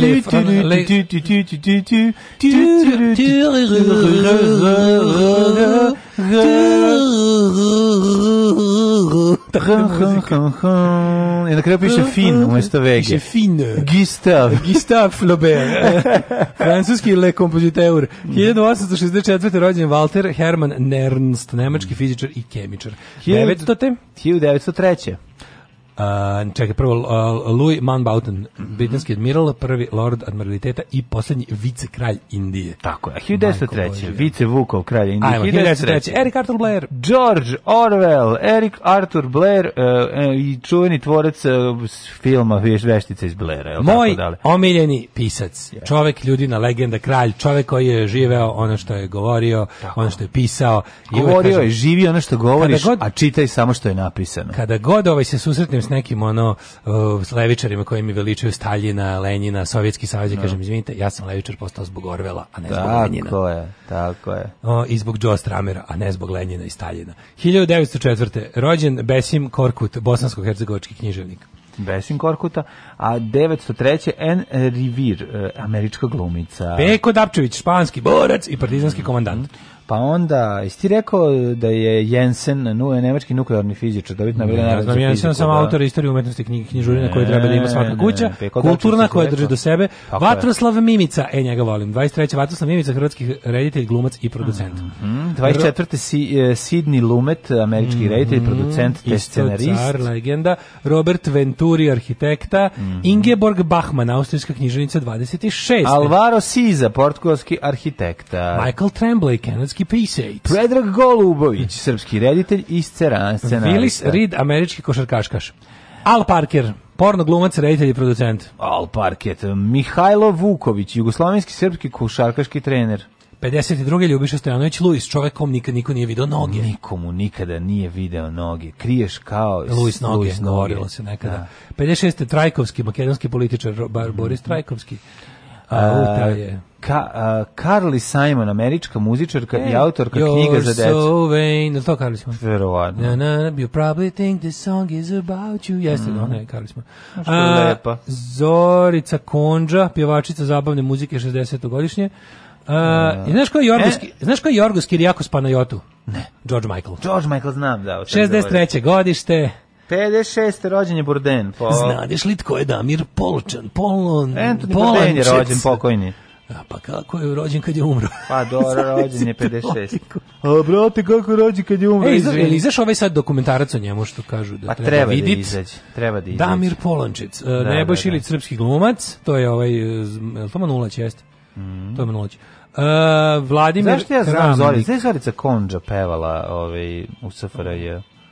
75. rođen je Vladimir Kramnik, ruski velemajstor i bivši prvog sveta u šahu. Kako je Lana Žarić Konđa imala solo karijeru ili je svirala pelo u nekom bendu? I don't know. Juče umrla neka jazz pevačica za koju su svi juče bili tužni, a ja ne znam koja je na pamet bila sramota. Pa zašto ne voliš jazz? Vladana Marković. Pa zašto ne znaš? Kaže, ja umrla, svi tako tužni. Vlada Marković je kao, bože, ne. Da. zašto kad umre neko, kako kad je umro, ne znam, Miša Blam, ja kao ono, Zašto da ja seljak ne znam ništa o džezu? Kako ne znaš Mišu Blama? Pa, znaš, pa Mišu Blama znaš te ga jebeš. Znam da je veliko najbolju, najskuplju kolekciju džez ploča na, pa, na Balkanu. Pa i bio je stvarno, mislim, vrhunski džez muzičar. Znam njegovu sestru Nadu Blama. znaš i Nadu Blama. Umrli na današnji dan. Hlodomir, franački kralj. Hladnimir, mm. tako zvari, onda car, car Gaozu. Jako preskačeš ono, sve rođene od pa, 73. Pa, ne znam ko su ti ljudi. Razmakni, ima tu dobrih porno glumica. Znači, ne možeš da ne pročitaš. Ajde. Pa evo, 74. Olga Radinova, hrvatsko-ruska glumica, TV voditeljka i model. 70, ako im model mora biti dobro, ček sam da vidim. Zašto nema slika prokleta bila Wikipedia? Ne može. Aj matori kakva da slika. Ne, da ne dobro. Aj jo, pa koji si seljak, šta ti pre? Sad ja bih se morao da googlam. Kako se zove Olga? Ajo. Olga, kako se zove? Olga Radinova. Ajo, Radinova Olga, kako ne znaš tu? Iskreno. Ne znam Radinu nego. Da. Olga Radinova. Ajo, jo, dale. ajo. jo. Pa gde ja živim, šta ja radim? Šta Malo je Tanja Boškovićesta. Ova nešto, znači ovdje ima svega. Sve ima, bre, ima ovdje i Silvije Saint i Tanja Bošković. Ovdje ima svega, do, da, do, da, do, da, vidi ovo. Prelepa je. Vidi ti ovo, vidi. A prelepa je Bože lepa kao iguman. Hvala, ja hvala i više nikad neću preskakati. Znači, više nikada nisi, pa slušaj dalje, ček da nađem još jedno dobro. A, ja, Jan, Jan Hedrik Jagla, nemački košarkaš. A, U jebote, koliko je. 81. Matori, vidi ga, uff. A, bi mu lizao znoj sa podlaktice? Ma, ne, uz polizao bi mu loptu, čovječe. Mm, obe? Obe loptice. E, um, ajde umrli. Holodomir, pa je umro car Gaozu, osnivač dinastije Tang, Marija Tudor, 1533. Zašto si 90... A, a, a, a Lele Pons, američka glumica, pevačica i model, prijatelju moj, Lele, Lele Pons. Brzo ne mogu, mrzim. Eleonora Lele Pons. Nije, Petak ne, ne umoran sam, radim puno. Nije ništa, Ove, Marija Tudor, francuska kraljica 1533. A ja, Marija Tudor. Gerd Philipp Telemann, nemački kompozitor. A ja. Ernst Hoffman. A, ja. Da, sve, e, Hoffman, to Petak su Hoffman. je svi bi Čekaj, znam Hoffman, on je pravio Hoffmanove priče je pisao. Kako ne? Bar Karola. Čuvena Hoffmanova jaja. 1822. Hoffman. Ostalo si da ima crno kup raja, a ja ću da, da mlatim Hoffmanova jaja. Umro Abdul Međid prvi turski sultan 1861. Onda 1937. Mijat Mijatović, advokat. 1863. Johan Karl Kegel, uh, nemački agronom, on je izmislio Kegelove vežbe za vežbanje njive. Jasne, njive. Jasne, njive. za stiskanje njive. Ej, Mijat, Mijat Mijatović je 37. umro, on je pevač i pop, pevač popularne muzike. Učite opet jednu pesmu od ovaj, uh, Mijata Mijatovića. Ajde mi od... A i ono hor, hor, hor ono mrtvih iz Hada. Ne, ne, wow. Mijatović mora više mora više ovako da se peva. A ne, peva tako, ali mora biti nešto nešto šerbet dama. Da, da. Ne šerbet šećer momo buh soba sokak Buhari. čarape i organ šećer džezva momo. Hladna voda, ali ne, ali pevaš rahat suviše, lokum. Suviše komponovano da, pevaš. Može. Nije ne. mora. Mora imati malo. E, e, e. grana, vahana ne, ne, malo si cveće cafnalo. Malo si cveće cafnalo. A ona malo Staniši Stošić ubaciti. Nema, stani, on ima, on ima taj malo. Malo Živana Sarmandić ubaciti. Malo imaju te, malo je nazalno i i, i da, malo je ubrzan pič. E, malo je pič. Otpevao pesmu. Nije više lastavice pticom i la. Da širiš svoja krila. A to je više, to je više muzika za za za pa prvi tom film. Pa to je iz 37. Pa ovo iz 37. Znači, ono. Nema, ton, nema tonskog zapisa. Umro je 37. Ima tonskog zapisa. Mijat Mijatović Vučić ima ploče. Nije tako. O, zašto, pre, zašto karikiraš, prelaziš u, u ono Bugs Bunny? Pa to ti vrti ono. Nije, nije. Ovo njanji. E, svi vi što nastate od sreći. Dobro, ajmo dalje. ne, ajmo dalje, ko je još umro? Michael Jackson, Farah Fawcett. Farah, Farah Slavina. Umrla, umrla Farah, Farah Slavina. Farah je bila toliko jedna divna žena. Ante Šercer, hrvatski liječnik. Koliko sam samo Michel Foucault, njenim, francuski filozof. Na njenim duplericama. Jacques Cousteau, 93. Mm -hmm. 97. Napust, napustio nas je Jacques Cousteau. Jacques Cousteau. Cousteau, francuski istraživač i okeano, okeanograf. 2008. ja dosta jako. Branko mm. Bevanda, hrvatski motociklist i ugostitelj. Mm, odlično. Čovjek koji je prvi sipao vodu vino bilo prejako leti. Michael Joseph Jackson, Michael Jackson 2009. Da. Šta bre, pre 12 godina da, umro Michael Jackson, je, jebote, ali vreme leti. Yes. Ko sad guzi dnejač? Mm. Obesila se Jasmin, belgijska pevačica i voditeljica, 2009. Užas. Hilde Renz je pravo ime, A 2009. ti si rekao Fara Slavinić Foset. Mm -hmm. Udeta Slavinić. Udeta Slavinić Đukić Dejanović.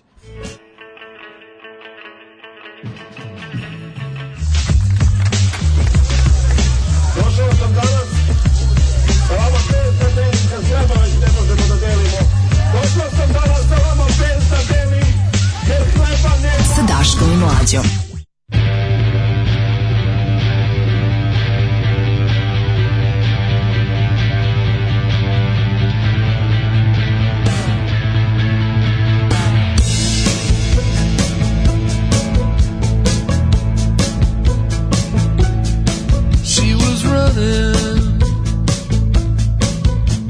shotgun. I could hear the sirens, but I couldn't move. I couldn't even catch my breath.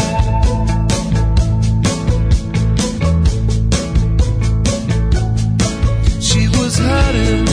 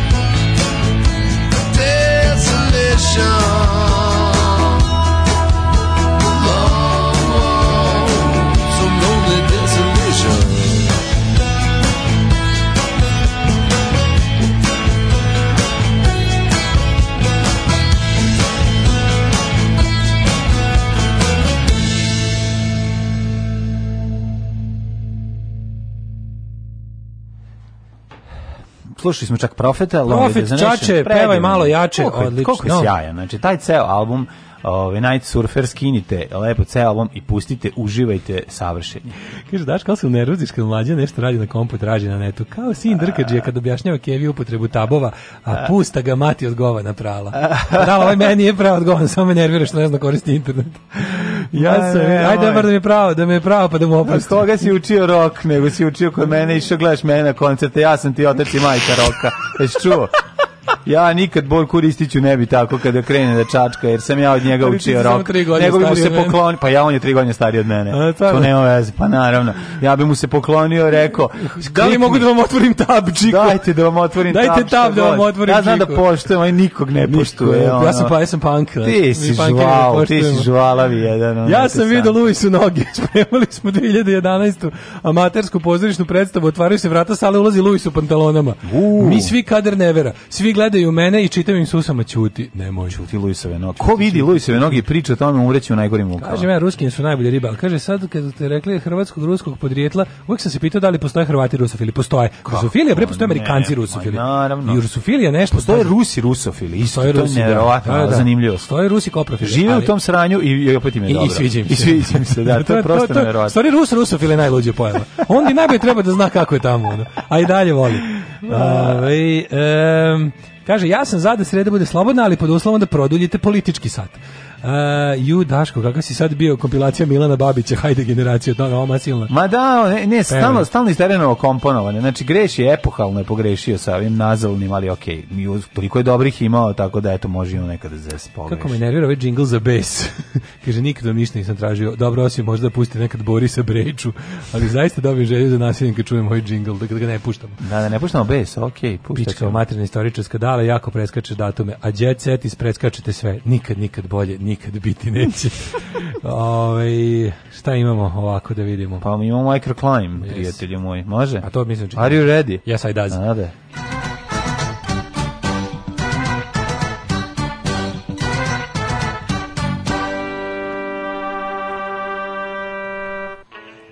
Evo da vidimo mi ove, ovaj, vremenske prilike, šta kaže profesor dr. Jugoslav Nikolić, je da se oznaje. On se topio čovječe kao sneško. Znači, je... E, danas je veliki hitmet. Ne. Znači, danas se molimo za, danas, ne, ne. ja se molim za bogovima. Mir. Ja, postoji samo jedan bog u ovoj zemlji. samo Ivana Žigon. To je bog, Ivana profesor Žigon. dr. Jugoslav Nikolić. Ivana Žigon bi mogla da otpeva nešto, da se... Da se Braćo da i se, sestre Srbi. Da se obrati i drevnim uh, slovenskim paganskim božanstvima. I Ne. Misliš ne, Danas samo se Srbi. molimo samo Jugoslavu Nikoliću, Dobro. Bogu meteorologije. Pa šta, ću, šta ćeš veći Zajednički moleba, najde vi svi kraj malih zvučnika da, ovaj, da uputimo jednu molbu da. doktoru Jugoslavu Nikoliću da danas rokne jednu kišurinu, ne treba nam baš, ne treba nam baš tornado kao u Češkoj, troje poginulih, 200 povređenih, oh, yeah. prevrnuti gradski autobusi i srušene kuće. Kako u Češkoj, torno brno, brno, obrno se brno, što bi se reklo. Jebote. Či znači, neverovatno. Tako će kod nas biti u jednom trenutku. Pa ja kapiram da će se to desiti. Mi, mi nemamo mi standard za tornado.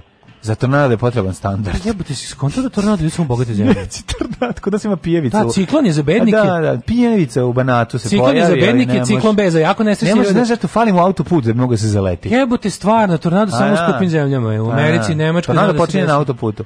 Stvarno, ono, be, bedne zemlje stradaju od uh, monsuna i ciklona, pa a bogate od tornada. Češki, Češki je ovaj od, ovim odato priznanje da je definitivno ušla u red bogatih zemalja. Yes. Pa Priroda je odala pošast. A mi se vraćamo Molebanu, gospodinu Jugoslavu, dakle. klanjamo hidmet na posebno Pripremite se, dakle, izujte se. Jugoslave, ti koji jesi. Se. Jugoslave naš, ti koji jesi ne. u hidrometeorološkom zavedu koji nije ne, na nebesi, nego uglavnom u košotnjaku. Neka bude Kišu ime našu tvoje. nasušno daj nam danas i oprosti nam e, vrućine naše ko što smo mi oprostili ružnima svojim. Uvedi nas u iskušenje i da nam bude lepo da grešimo. Hvala. Izbavi nas od lukavog Amin. Neka tako bude u Jugoslave. Izbavi nas od lukavog, to znači Jugoslave, nemoj da nas jesti luk. Nemoj, lukavog. Sačuvaj nas. Sakloni nas od lukavog u gradskom prevozu. Daj nam kišu, neka rokne šta treba, nek padne puno kiše i sutra. 28, 28. Zašti, naš neuranak blagoslovi tako temperaturom je. do 30 Ako stepeni. treba da istrese, nek istrese danas sve šta ima, tako sutra je. na uranku da možemo lepo... Ove, na neuranku. Na znate, vi, znate vi, slušajte ovu tužnu, da bi vama bio neuranak, nekima mora da bude ipak uranak. Da, to je nevjerovatno. Tako da, ovaj, doktor Jugoslave Nikolić usliši naše molitve, pomiluj mene greškog, pokvasi mene grešnog. Pokvasi me, isprskaj me. Pokvasi me isprskaj greškom. mene grešnom. I danas, aliluja, aliluja, blagosloven Jugoslav Bog naš i da se, to što je on da, da, da, sačini krst tvorca svog, da provede ostatak leta u prijetnoj temperaturi, moguće da bude, aliluja, aliluja, aliluja, Jugoslave Bože naš, koji se stoluješ u hidmetu, što odlaziš na mnoge meteorološke konferencije i tamo širiš istinu o srpskom narodu, donoseći najnovije standarde meteorologije u naše zabite krajeve. Aleluja, aleluja, aleluja. Pomiluj nas grešne i pokvasi nas danas i od sutra da ponovo bude toplo, ali s povremenim kišama, ne bili naši usovi i naše, naš centralni nervni sistem bio u dobrom stanju da se ne bismo pobili na svu muku koja nas nađe. Aleluja, aleluja. marsupial, o canhão marsupial das colônias do Transgárdia.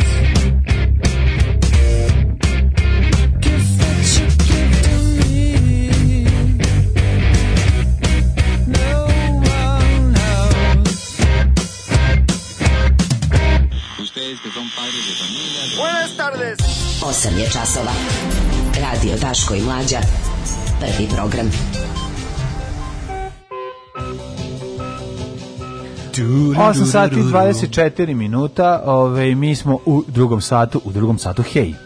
A, lepo ste sve otpevali i umolili, niste ništa žrtvovali, tako da ne, ne, ne važi se. Mm -hmm. Jesmo, jesmo, o, ovaj, ja jesmo smo doručali. Indijanci su izvodili play za kišu, a mi očita, čitamo Jugoslavenaš. Mm -hmm. E, Znaš ste Simona da Žigom prijavila za uranak pod lažnim imenom da se pojavi u, u toku i kosovski ciklus, pa krene da kosovari da peva kako je bilo dobro. Kaže, mlađe pokidao si kao ovaj popovski eho. Popovski eho je specijalna vrsta čoveka. Mlađe je imao ulogu, on je lečeni narkoman tu bio. Pa da, onaj znači, što sa strane stoji. Ovaj, da, sam ja vata, vata pro, da sam ja bio anti-jevrej proteo stiropor eh, arhiđakon. Ja nekako volim kad ljudi shvate bio, da taj dok, taj, taj pre, pretići vokal. Bilo je odlično. Da, da, leglo je baš. jedan kroz jedan. Da, da, da. M da. sam ja bio otac na tegodeti, M si bio, ovaj, kako se zove, lečeni ja, narkoman iz Da, da. MC je bio odličan leči, ja sam mislim, mm. istina da sam ja stavio 50 evra džep, dobit ćeš možda 10 evra. Ne, ne, koliko god da dobijem, ja znam, dobro. na drogu, jebe. Ma, ne, da, da, da, ne pa mogu te vraćam nazad u pa zemlju. Na, ili na drogu, na Berlin koc. Ne mogu te vraćam u zemlju živih mrtvaca da. više stoti puta. A, dobro, nema veze. Znači, stalno, ne mogu ne više kod tebe na Čene i u Kovilj i u ostale ove komune. Da. Znači, ovaj nema problema, ali kažem ti, bio si Znaš da odličan, ukrasti, odličan nema. lečeni narkoman si bio. Puno. I vidi se, ja dok sam ja bio u svojoj full odori sa onim sve onim Ti kako se zove epitrahiljom. Ja i, sam samo sa crnom bio. Ja sam onaj Ti si bio lepo majici otadžbe ja pored. Crkvenjak. Tako da, da je crkvenjak. O, lepo onaj štac, obična, štac. obična ona kako se zove neka blago nacionalistička majica za lečenog narkomana. Ma crno nešto na sebi stoji. Mora pored, neko da, vojvodstvo da, ili nešto neki ono neki ono kao uh, otadžbina ili 011 shop. Ja ja to nisam nikad nego ti ljudi narkomani neke košulje koje su dobili. Narkomani pri crkvi su uvijek i nacionalisti. A pa dobro, to, to nisam ja ovako, ja ovako što sam ih viđao, a viđao sam ih hvala na, na, na, svoju ovaj, tugu dosta Ako na sahranama, oni samo stoje sa strane, imaju neku majicu ili tako nešto pa, crno obučeno, stoje, vidi se da nisu, mislim, kao nemaju moći koji imaju popovi, to je to. Kaže, pa da li ste normalni, plačemo od volim vas kreteni jedni. Uh, also Queens of the Stone Age dobri, ili ti Kvoca dobri, koliko je Josh ovom talentovan i pametan yes. čovjek, pa to je nevjerovatno. Jeste, jedna divota čovjeka. Hvala za pesmu, pozdrav od Paje. Pozdrav Paje. Um, Daško da se obuču dodole ili u bunjevačke duhove i da igra okolo s vencem trave, na gla, trave po glavi, platila bi da se to snimim. Uh, bole vas ima menjanje prozora, sve ploče i diskovi isprave na terasi, nadam se da molitve neće biti uslušene. Oh, majko moja. Što su na terasi, majku mu. A gde da stavi? Ploče, pa u stan. Pa ne može u stanu, stanu se menja sve. Pokriješ nečim. A je. Ove, patrijarh sinoptičke crkve, doktor Jugoslav Nikolić. Ove, Sinoptisti. Rusi vole zemlju, mrze državu. Mm. Ove, povodno smrti Johna McAfee, tvorca prvog antivirusa, he's not dead, he's still running in the background. Umre da čovjek u zatvoru opet nešto. Ja se smeo, ne razumijem što to znači. A mlađi kao... Šalim se, ovo sam rekao ironično, zato što, zato što razumem. A, zato što da, ali, ali, da ne, ali sam zamislio sebe da ne razumem, pa bi to bilo... Sad sam zamislio facu onog dede sa, sa mimova, da, imaš najveći kurac od sve četiri braća. tu sam facu zamislio. um, kaže, da, Daško ne voli sirotinsku decu i mlađu nepotkovanog IT stručnjaka. Tako je, ne voli sirotinu, govno je, govno je. Idemo drugi sat, drugi sat, to je naš sat, to ćemo... Evo, stigla, e, ovaj, pošto je petnica ovaj, ras, ovaj slučaj u petnicu pre dva dana došli do javnosti. Evo mm. Blic treći dan ispeko pa rekao, imaju dobro, oni se znači, pridružuju. Pa, evo, pa, dobro, pa, čekaj, do pa Blica. Kurir, ali kurir je isti dan. Ali ne, ni kurir ali, mlađo, ali pogledaj Blicovu, ovaj, kako se zove. Kao zlo, to je zajebano. Petnica na da, da. Republican da, Party Headquarters. Ne, nego što... Mislim, meni, ne. meni je ovo sve bagatelisanje estradizacije. Da, Mislim, ne, slikajte petnicu kakva jeste, šta ste pravili ovu prejednu? Pa pogledaj ovu jadnost. Znači, ovo je stvarno kao, petnica je neko, znaš, ispade da je to petnica, kao, pa kako ni, pa ja, ja ne bi ušao u kuću za pa početak. Ne, nego iz... Mislim, ja da služim, da, ja, ja ne bi, debi, ti poslao dete u ovo čoveče. Ne, kako da sam vidio da ovako da, da, izgleda. Ne, ali znaš šta je da, Blic samo ranije znao, pa koliko bi mogao, koliko bi, se, koliko bi bilo pa štete, da, da, štete predupređeno, ono. Jo majko, mi se sve gromovi, Ne, Jebote gromovi na nebu. to ide uz obrazovanje, šta da ti kažem, znaš, ono. Ne pričaćemo da. o tome, zato što je ovo jedna od onih stvari koje smo tema na koje se vraćamo svakih par meseci kad se razotkrije neko novo kad se razotkrije neki novi seksualni predator u, u institucijama za koje ljudi kao pa nije valjda tamo, ali mislim surova istina vam je da način ustrojstva takvih stvari eh, hteli ne hteli, mislim ne znam da nismo pronašli bolji način ili je to sve stvar previda, ali takve institucije i kolektivi tih vrsta su jebi ga uz, ako nema nikakve kontrole i nema transparentnosti u tom smislu i hrabrosti i, i nekih stvari koje su nedostale u prošlosti su fenomenalno pogodno tlo za za ovaj gajanje takvih ovaj takvih ovaj, likova koji to rade. Mm -hmm. Tako da ovaj malo ćemo se malo ćemo petnicu zato što zato što moram ti kažem petnica je moj ovaj čežnja iz detinjstva. Da, ovaj, nisi otišao tamo. Nisu me zvali, da. a Ljubu jesu. Ljubu jesu. Ljubu je petničar. Ljubav je u petnici. Da, zajedno da se tako, kad ja sam od njega i čuo za petnicu, pošto ga je ovaj... Zato ćuti stalno u društvu. Svakog radnog jutra od 7 do 10. Svakog radnog jutra od 7 do 10. Alarm sa mlađom i Daškom.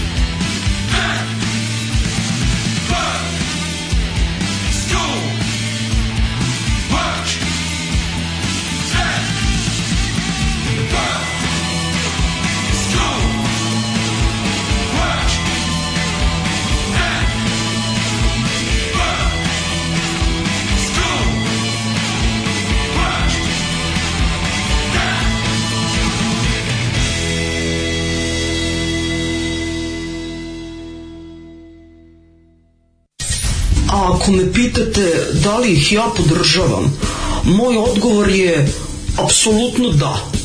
Da, podržavam ih i mislim da je jako, jako važno e, da ih svi podržimo. I molim vas, donirajte vašu podršku, ulažite u Daška i u Mađu i svime će nam biti mnogo bolji. Ja vam garantujem. Alarms svakog radnog jutra od 7 do 10. Od 7 do 10.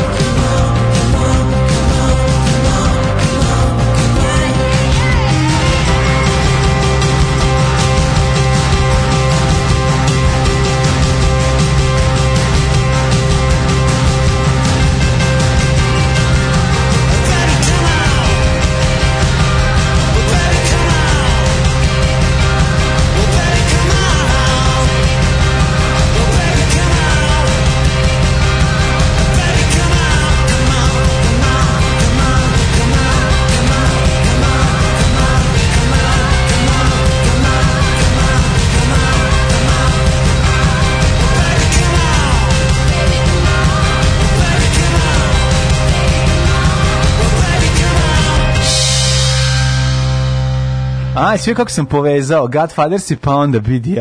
I matori. A, motorima. I mean, you are, što bi neko reči, odličan si bio grbavi crkvenjak. E, hvala puno. Odličan. Crkavi grbenjak. Mlađi, da zar ti nisi bio u petnici, da li, nisi bio petnici kao talenat za hemiju, mlađi kao talentovani muzičar koji zna Springfieldove akorde iz glave. Tako je. Treće mesto, tako drugo mesto. Bilo sad ćemo, da sad čekaj, ste za jedno deset Drugo mesto, tako iz hemiju, u sedmom drugo. Ne možete tako da falsifikujete istoriju. Recite momku koji izna ploča drasu da požuri biće kiše. Da. To da li ovo javljaju neki jugoslovovi saradnici koji imaju manje i, i snajderske informacije? Manje je strašno ovaj, da bude Dobro, čak kiše. šapcu, ona ne, kiša oko šapca bila. Pa ne, manje je strašno da bude kiše. Mislim, na plus 40 ploče će se otopiti. O, da, da, da. da, da. Ti kažem, da, mnogo da, da, manje da, je strašno da, da. da bude kiša koja pri tome verovatno je ima nastrešnicu. Apsolutno ste u pravu. Ne. Da, da, da. Nego mlade petnica. E, dva dana se već priča, vreme je da. prvo objavilo, ovaj u četvrtak e, ekskluzivno veliko Ja bih sad nastavio šalu vezanu za tebe i to kako, kako je to moguće. Ja moram tebe nešto da pitam. pravi trenutak mene zajebavati. Ma, ne, Makar se radilo o tragediji, pa o ozbiljnoj stvari. To je stvari. Mene zajebavati uvek smešno. Da, nisam išao petnicu. Ne nisam toga, nego... Jel bila petnica a thing u tvoje vreme? Mm, kra, ne, malo, vrlo malo je bilo pominjeno. Ja sam prvi put za petnicu kad su rekli ljubi da će ići. I on tamo bio i on je bio oduševljen. Ja sam znači, to, ja, ja da tebe hoću da pitam nešto. A mene nisu zvali. Ma mene pita, ti prođeš onom pored Hopovskog manastira na jebute ni 5%. Pa znam. Prođeš, ni, izbaciš iz petnice. Mislim, ružno dete, šta? A izgleda. Je, ne, mislim, stvarno, da, da, odem tamo da pitam, izvinite. Izvinite. Ne zovete me u petnicu. Da, da, da. Ovaj, Kad je bete, Daška ne zovete. Sve, Šta je ovo? Sveštenik pedofil iz Hopova, kom se ja motam cijelo detinstvo tamo, ni da me Ništa, pogleda. beži mali. Stvarno, našto ja ličim. Mali komunista smrdljiv, da. beži. Uglavnom, ovaj, sećam se kad smo bili klinci, da to, da to se pojavio, ja sam prvi počuo to kad su zvali ljubolje, da kad rekao, neko kao to je nešto kod Valjeva, neka mm -hmm. istraživačka stanica Petnica, tako se zvalo, i onda on bio tamo, ne znam koliko bio, no, dve, tri, ne, ne, ne, ne, ali znam kad se vratio da bio pun utisak, da, da je baš bio kao, wow, tamo je super pa je radio, pa je radio, ono pa su išli, ne znam, meni to bilo kao ono kao, wow, kao blago tebi, kao, što ja nisam tako po, talentovan i poštovan. Si povraćao zaista? Nisam povraćao, bilo mi drago, zašto njemu budeš onako, mm -hmm. ne, neke tako upozno drugu pametnu decu iz cijele, iz cijele zemlje i tako. Ove, ovaj, znam, da, znam da bi bilo super. Mm -hmm. A sad, mhm. pošto, verovatno mu bilo super, pošto nije bio ovaj, napupala devojčica od 14 godina. Da, pošto nije bio žensko, da. Pošto ovog da. čiku, verovatno u to vreme, a, a izgleda da taj čovjek tamo, taj, ne, mislim, njemu, njega još niko ne pominje imenom. Čekaj, on ima ime neka slika, mislim, to ne, njegova slika. Ne, niko imenom. Kaže, ove, maloletne su ili tek punoletne, Primravaju da se skidaju, fotografišu gole. U nekoliko slučajeva odgodilo se i celo noćno maltretiranje i fizičko nasilje. S je, po, S je polaznica programu petnici u kojoj je bio možda i od osnivanja, predstavljao se kao autoritet i omiljena osoba. Bio zadužen za pregledanje radova koji su pisali, koji su kasnije objavljeni u petničkim sveskama i predstavljali na godišnjoj konferenciji korak onako. Šta on zapravo radio? On je, mislim, ovo je očigledno, ono, figura autoriteta koja može da ti pomogne u vezi onog sa, zbog čega si došao u petnicu. Znači, tamo dolaze klinci i klinke koji su ovaj, na, talentovani za nauku, to je naučna ovaj, Ovaj, institucijom, da, i to je pod, ja mislim to je to je finansirano, to je pod ingerencijom Ministarstva prosvete, oni dobiju neka značajna sredstva. Znam da je bilo jedini put kad jedini put kad smo da. petnici slušali pre preoga je bilo o tome da bi trebalo više da se finansira. Da, Sve da. što smo znali o petnici pre seksualnog ono uznemiravanja i skandala koji je izbio sada, smo znali da ono kao petnica je rasanik naših najpametnijih klinaca i da bi trebalo da se više uloži u to. Mada oni koji su tamo bili kažu da je u odnosu, mislim, pazi, deca koja dolaze iz našeg iz našeg školstva kad odu tamo pomisli kao to ti kao neka jako jako dobro ono opremljena mala naučna škola mislim znaš za, za, ono, za kad dođeš iz srpske osnovne škole bilo gde u Petnicu imaš utisak da si otišao na američki koledž mislim da. toliko je bilo to je bilo dobro iako je bilo underfunded u svakom slučaju ali uglavnom kao šta se desilo, isplivalo, isplivalo je prethodnih dana da tamo radio lik koji ono sistematski je ovaj, seksualno iskorišćavao. Mislim, za sada niko nije rekao da nije bilo silovanja, koliko ja razumem, i koliko za sada, ovaj, koliko sam ispratio, nije, nije došlo do, do nikakvih ovaj kako se zove, nije, nije došlo do silovanja, ali je bilo... Ovaj... Tero ih je da skide Bruce Haltere, polivo ih vinom i gledao dok se tuširaju, a na naga tela im stavljao jabuke. Malo mi je to, to je kurir, znači treba naći, da. treba naći ovaj, balans između vremena i kurira. Naš kurir će naravno s pornografskim detaljima da, da prećera, da, malo će... Pa malo znaš da likovi koji rade u takvim, ono, koji, likovi koji pišu za tabloide malo, malo vole ispod stola, stavi ruku u džep dok pišu ovakve priče. Bilo da je ono, znaš, imaju malo tu neku sladost. Naslad, naslad, ovaj, nasladi pa piši. Pa nasladi mladi da, pa papiši, da, da, da malo, da. znaš, malo daju maštine volje da podivljuju, malo onako, ali ovaj, recimo da ono što znamo je da jeste, da, da, da mu je neka vrsta fetiša bilo to da, da te devojčice, ovaj, da ih primora da, se, da ih fotografiše gole i da je to mislim to je teška ono kako da to je da, teški oblik pa- seksualnog zlostavljanja maloletnih maloletnih osoba i mislim pogotovo što se dešava u u ovaj i obrazovne institucije. Sad znaš šta je problem? Znaš, nemamo više odakle da se začudimo kad kažu kao a zar i tamo, zari tu, zari tamo, mislim svugde, ako malo bolje razmislite, ukoliko ne povedemo računa, a nismo nikad do sada dovoljno vodili računa, jer su mnogi stvari pripisivane tome da je to ono, znaš, ono boys will be boys, girls will be girls i ostalo, mislim, gotovo svaki kolektiv, ovo jeste na neki način zatvoren kolektiv. Zato što to jeste institucija u kojoj mladi ljudi i klinci odlaze da budu tamo neko vreme, izolovani od svoje porodice i prijatelja, po svojoj i geografski i u nekom, kako ti kažem, u tom nekom so, socijalnom smislu ti si tamo u nekakvoj izolaciji dok si tamo, razumeš? Ne to je to je prava onako mislim nije zatvor da kaže polu zatvor institucija prvo da ne može svako da uđe da je ono kao uh, čim si tamo imaš neki osećaj e, uspeha jer si od da si da, da. znaš i onda uh, seksualni pretor koji se na natakne na tako jedno mesto ima jednu prilično idealnu ove uslove za rad mm. Znaš, i to je jednostavno tako. Slično je, slično je kao i sam, pazi, škola je, bilo koja škola je u neku ruku zatvoren sistem, jer škole rade tako što u, u vreme kad si u školi, a klinaci, znači to vreme koje provodiš u školi, ti si na neki način zatvoren od ostalog sveta. Svet, škola jeste svet za sebe. Pa jes, pazi, od 2003. Znaš šta je jako, znaš je jako važno za 2014. Da, pazi, da, ovo, mislim, da. ono, ovo je baš, mislim, strašno. Ali kažu da on, to, da on to radi u tom periodu, da najstariji slučaj koji znaju je negde s kraja 90-ih,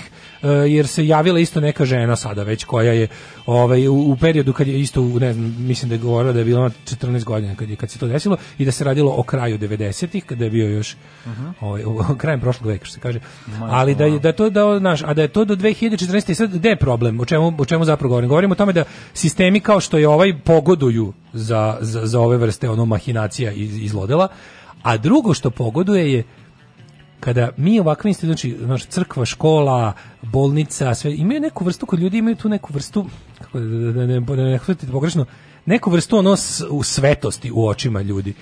Naš, a sve takve institucije su nekako pogodne da se u njima kada kada u njima rade neupitni autoriteti, bilo to da su sveštenik, lekar ili nastavnik, ti ljudi ukoliko odluče da zloupotrebe uh, autoritet koji imaju nad ljudima koji su koji su im tu na neki način povereni su ono kao imaju ba, kao što pre malo pre rekao ono, idealne zlostavljačke uslove za rad. Yeah. Da. I to je i to je jako važno da takve institucije, možeš ono, dovoljno je svaki slučaj bilo da već znači sad imamo njih fotografi, on, on je da, zapravo da, da, fotograf, mislim bavio se fotografijom. Pa verovatno, mislim, ali šta god, znaš ono Pa ne znam da se pa- lako za da manipulaciju. Znaš, hoću da te slikam, dođi vamo, veš, da, Naravno, stara, kreće, stara, stara, stara, stara fora, ja se bavim erotskom fotografijom, da, znači, da, ali nisi da. sve to u redu ako tražiš odraslim osobama koje to, koje, da. koje to mogu same o tome da odlučuju i sa njihovim pristankom. Znam, problem je kad si tamo autoritet, mislim, i onda, znaš, ono, da, koristiš te pozicije. Ne, i ovde, će, biti, i ovde će biti pravničkog teranja maka na konac, na primjer, da li će biti osuđen. Da li zastarelo, da li... Nešto da li zastarelo, nego ovdje imaš jednu otežavajuću okolnost. Pazi, on možda bi, sad kad bi mu ja bio advokat pa kao odgovor, možda bi on recimo mogao da ne bude kriv zato što je slikao, ne znam, znaš, devojka od 17 godina može da pri, može da da pristanak na primjer za takvu stvar, ali ne možeš to da radiš sa pozicije nastavnika, ali pa ovdje se nije radilo samo od, od devojkama od 17, radilo se koliko smo čuli od od valjda 14 pa nadalje. On ima pregledao radove, ne znam, da, kao da, i onda pa valjda to je pozicija iskorišćavanja pa, pozicije autoriteta, da, da znači da, da. neću ti objaviti, neću ti odraditi. Da li znaš da čak i mi kad imamo te mi kad imamo te u, u zakonu jasno piše da ti na primjer kod ovih stvari kad kad su te neke ono uh, um, kako bih rekao, ono osetljive teme sa, sa godištem i seksualnim radnjama. Uvek ti je dodatna otežavajuća okolnost ako si zloupotrebio poziciju moći. Znači, staratelj, vaspitač i nešto slično, ti ljudi su ovaj dodatno krivi i čak i neki zakoni koje bi možda za, za osobu koja nije u tom odnosu sa, sa, sa oštećenom stranom bi možda i mogli da ih ono kao spasu od kazne u ovom slučaju su im otežavajuće okolnosti. Tako da bilo koja zloupotreba nastavničke i, i mentorske i, i vaspitačke funkcije je samo dodatno, dodatno ti, dodatno ti ove ovaj, stavlja teret. Mm. A, mi bi morali već da otprilike, pošto se ovo toliko puta desilo, znači postoji već šablon koji se toliko mm. jako i lepo vidi, znači gotovo da svaka institucija ovog tipa da li po ono zakonu brojeva ili po čemu i sadrži jednog ili više likova koji rade ovakve stvari. Mm. Znači, Valjda je jasno da da ali ona naiđe što što imamo odgovorno lice, pa da, ali kao što imamo odgovorno lice za zaštitu od požara, jer kad da. imaš zgradu u kojoj ono provodi svaki dan 10 sati dnevno 1000 ljudi, moraš da imaš lika koji će da se čak i kad ono čak i ako požari se ne zavi svaki ili se nikad ne desi požar. Što je najidealnije. lik koji da. o tome stalno misli i na kraju krajeva se stara da da do požara ne dođe. To neka unutrašnja tako kontrola, isto bi mora, mislim, ja znam, da- a meni je najbolje što kad, kad se predloži tako nešto, kaže, vidite, mi moramo u velikim kolektivima imati osobu koja će da se bavi time da se ne dešava seksualno uznemiravanje. Jao, odmah krene ono, da. politička korektnost, sad više čovjek neće moći u liftu ni koleginici da uputi kompliment, kako kreće da, neke da, da, gluposti, gluposti, ono, da. odmah kreću takve neke, ono, ići, da prođu ljudi treninge, pa nek prođu, nego očigledno nije da, prirodno. Znači, ono kao, pošto ste mislili da se prirodno može ovaj, postići da se ljudi ponašaju normalno, a, e, nije baš toliko prirodno kao što misli, jebi ga on stići treninge. Kao što stići na treninge iz protiv požarne zaštite, tako će stići iz treninge ljudskog ponašanja prema, prema drugim ljudima. E, a ako, to, ako nemate socijalne veštine, mislim, možete da pro, nešto, ako ste propustili nešto, da, da, da, Ako, ste, ako ste propustili da procenite kako šta, da. mislim, ja stvarno ne znam kako ti ljudi koji su samo sam ne znam šta, ono, samo sam joj uputio kompliment, a kompliment bio ono, aj mi ga popušiš na parkingu da, da, da, Posle, ra, posle radnog vremena da ne bi dobilo otkaz. To je prilike bio da, kompliment. Ono. Ja kao, samo sam joj rekao, da, pa ti, izvini, ono kao... Pa ne, možeš, pa, mislim, kompliment sa pozicije moći, mislim, je, ono, znaš šta je. Znači, vrlo, vrlo je jasno, mislim, to je jedan govnarluk i, i pokvaren luk koji se koji, koji kad čovjek dobije dođi tu e, pozicija da i menja čoveka. Znaš to, taj koji bi ono možda ne bi imao hrabrosti da uradi kad da, dobije ono dobio krila, kad dobije krila, kad dobije poziciju, znaš, to, ne, zato je to zato je jasno, pazi, pošto je očigledno u ljudskoj prirodi nešto trulo i navodi mm. da rade ovakve stvari, onda mi kao ljudi moramo da smislimo i socijalni odgovor na to. Znači, od sada u svakoj fucking školi srednjoj, može čak i u osnovnoj, u ovakvim institucijama, u on, treba da postoji neko ko će budno da prati te stvari. Mm. Sad ne da to bude lovac na veštice i veštice, nego liku psihoz čovjek. To je zajebano, znači, tu treba, tu treba naći pa meru i to je... naći meru, ali, ali samo, izvini, samo postojanje takve jedne službe bi po, po promenilo stvari.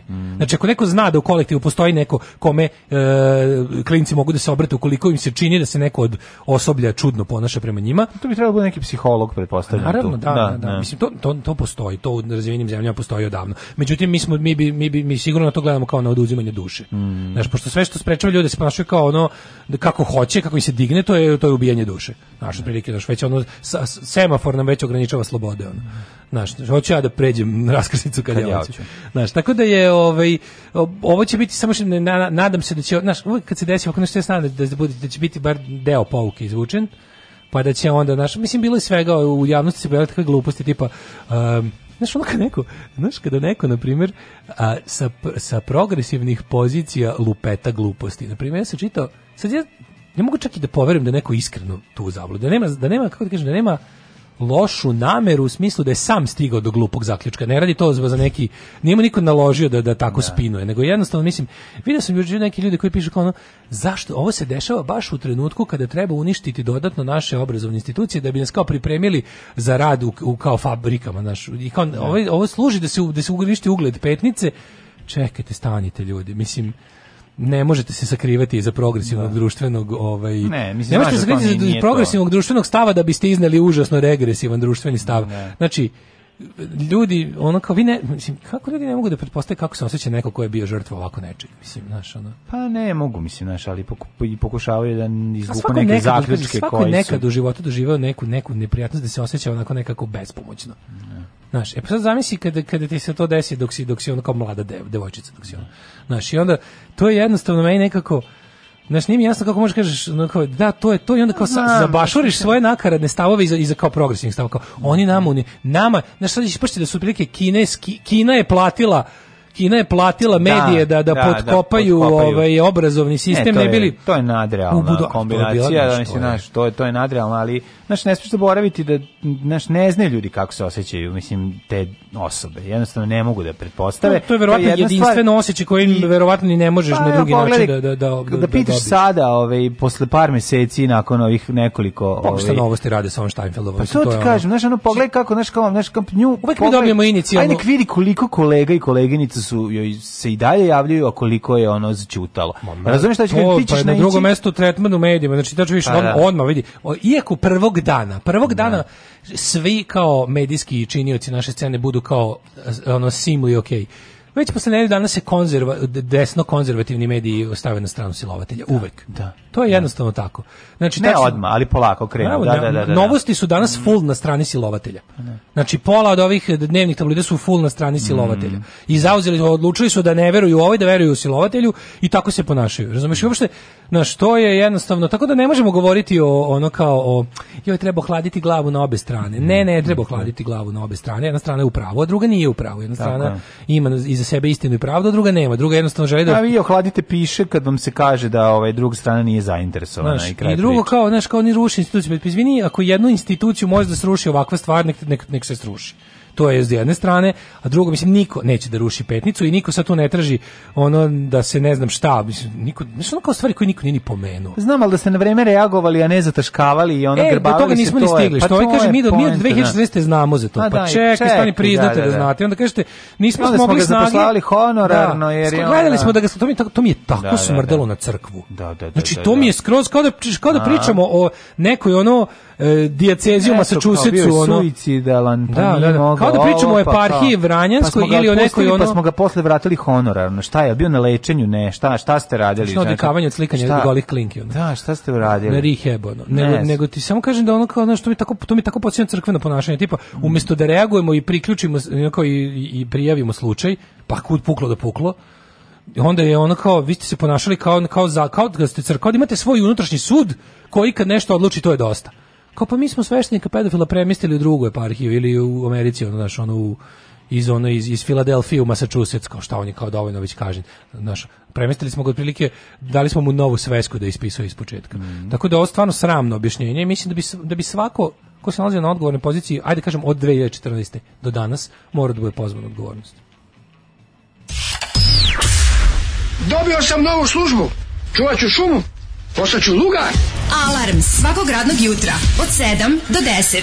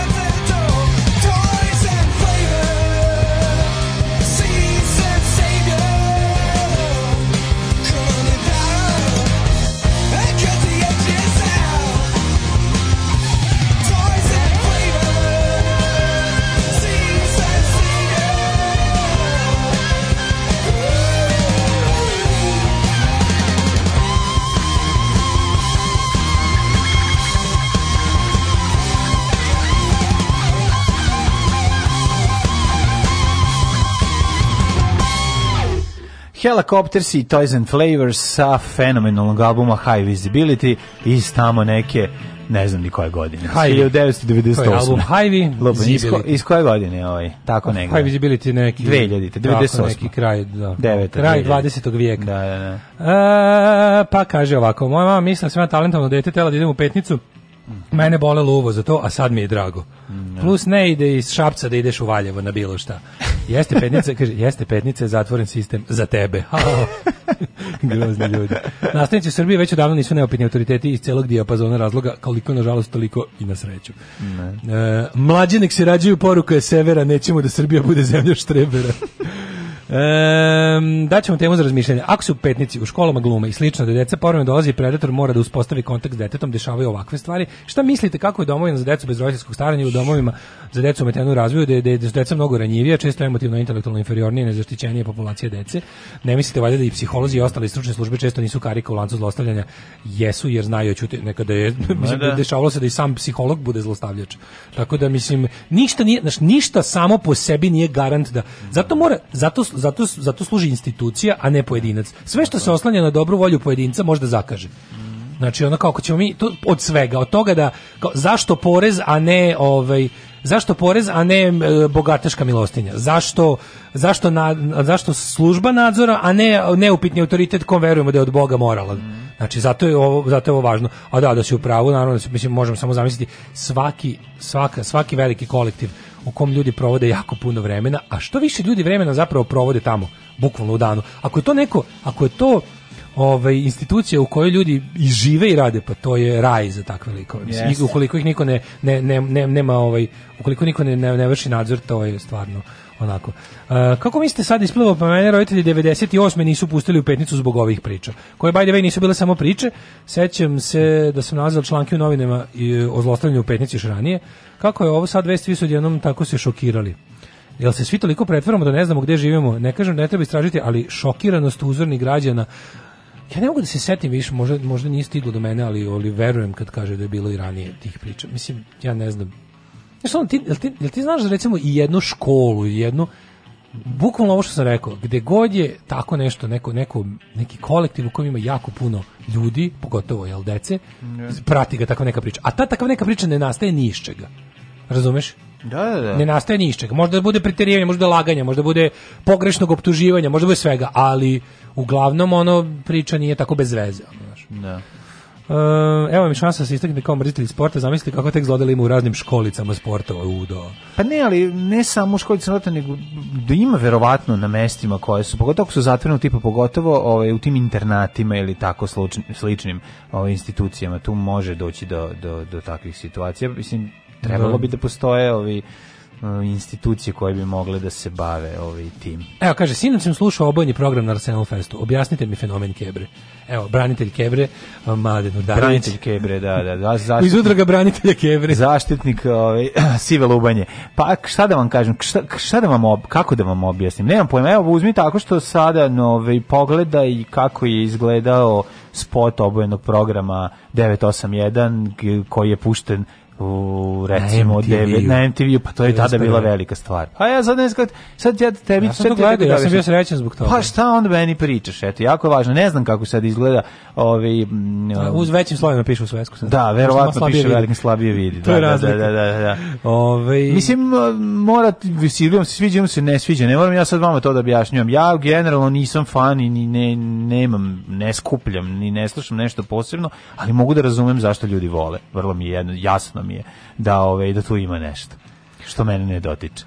Što smo imali od ovih tema, juče gledao sam ovo kako, se, kako mali likuje nad ovim, da mu je kao, da. mogu ponovo da kao, ono što smo rekli da to smo u detalju. Ali čekaj, nešto bilo da da da, da objasnim bilo šta je dobro kako ga je novinar, znači, čekaj, niko nije novinarka, samo sekund. Da. Novinarka ovoga, da li News Maxa ga je pitala, vidim samo taj insert mm.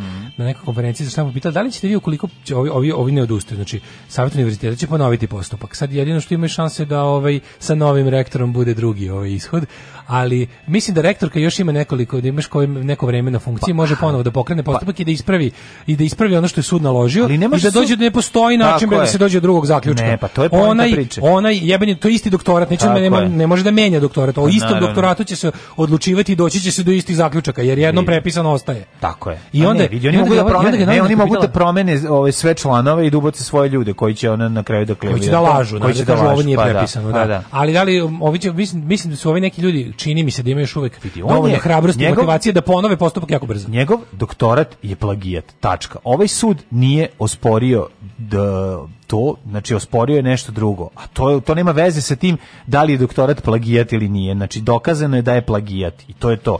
Oni su naravno tražili onu rupu u zakonu, čačkali dok nisu našli način da ovaj da se da pa mislim to toliko grozno i pokvareno. Znači njegov to, pa to... Pa da li, ovaj, pazi, ovaj njega, ovaj, ovaj, uh, eh, ovaj pitala njega, da li ćete ukoliko, slušaj, da li ćete ja. Da. se povući iz javnog života ukoliko ja. u da. drugom stepenu ovaj se dokaže da ste plagijator. Mislim, on kao ćuti i beži, a na to vreme njegova sarinca kaže, e, ovo stvarno nije lepo ovako nešto da se pita.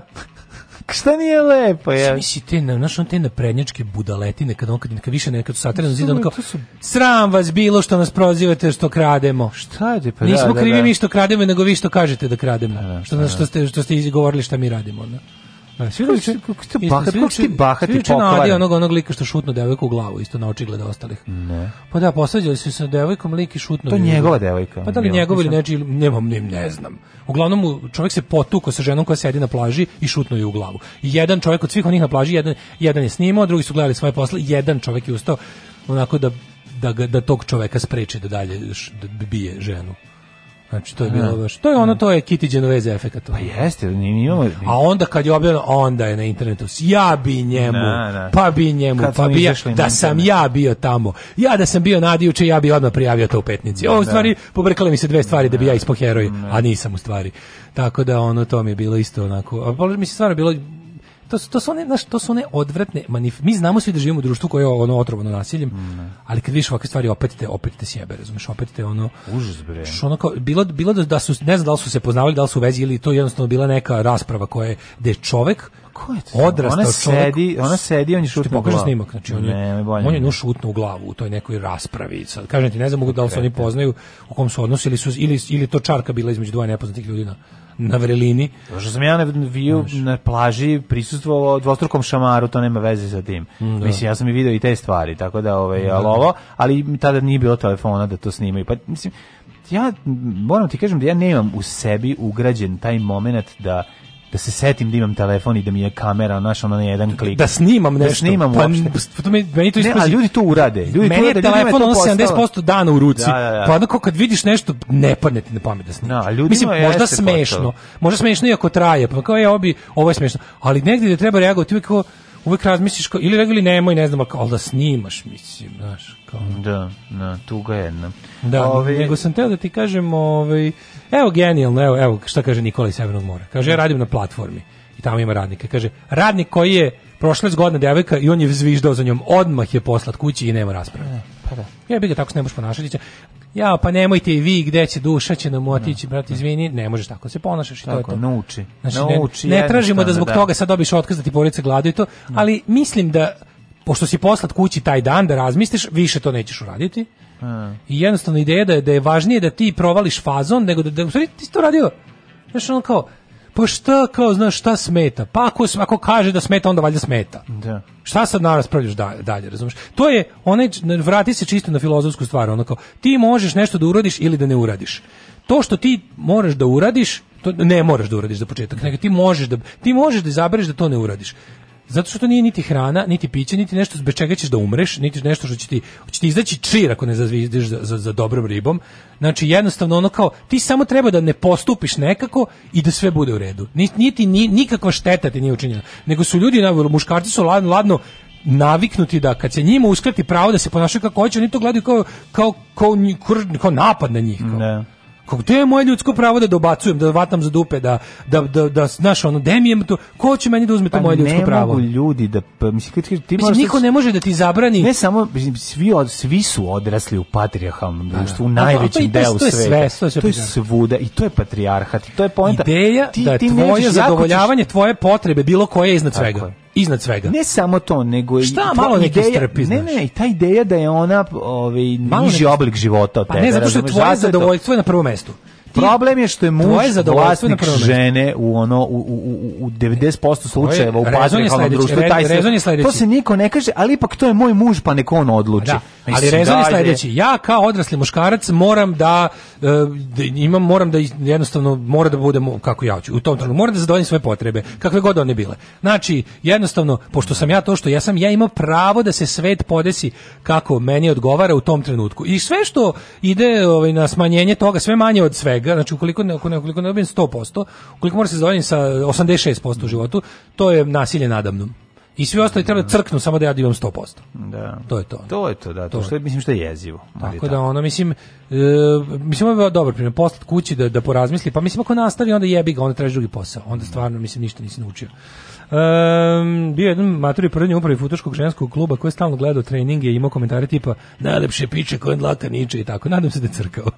A, pa da, užas, užas, bre. Pa mislim, da, hoću ti kažem da ti, ti ljudi polako ove, ovaj, mislim, odlaze u možeš... historiju, a ono, mislim, znaš o čemu se radi? Se, mislim, stvorit će se nova ovaj brojit se generacija ku koji će to biti normalno da da ne govori pa, da, takve stvari ali samo što jednostavno to ti sad imaš ozbiljan sukob generacije znaš, da ne uvek. budemo licemeri i ti i ja i svi muškarci i neka često žene imamo e, bacimo seksistički komentar bezobrazan neprimeren ali ona kao ajde da početak bude taj da recimo to ovaj niko ne može ti sprečiti da ti da, da ti govoriš u svoju privatnost šta hoćeš i da misliš šta hoćeš. Čekaj, samo kažem, pa gde početak? u društvu, ono našem, u kojem društvu, kome to... Da, ali ako, ukoliko budeš, samo što htio sam da. objasnim kako to radi. Da. Ukoliko ukoliko počnemo da da kažem da da ukoliko prekinemo sa praksom toga da ti uslovno rečeno jel žrtvi ono nije žrtva ali ona kao o, ono kako da kažemo ono pre ono osobi koja prima tvoje uvrede koje ne prijeju ako se ako, ako naučiš na ovaj ili onaj način da to ne radiš onda će ti vremenom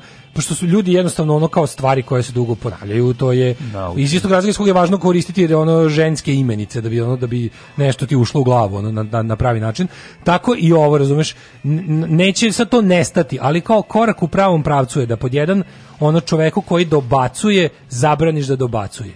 Razumeš, to jeste korak ka tome. Jeste. Mislim i dalje jeste, će ono ljudi izbijati ne, ono ružne šale koje je ono kao, ali za početak nek te nek to ne rade bahato pred osobama koje na taj način povređuju. I to je već korak u pravom pravcu. Možda će za 100 godina prestati uopšte da, da se tako ponašaju. Prestati, To mi se sigurno će prestati. Da. Ti znaš, mislim ti imaš tri generacije sad bre koje živi.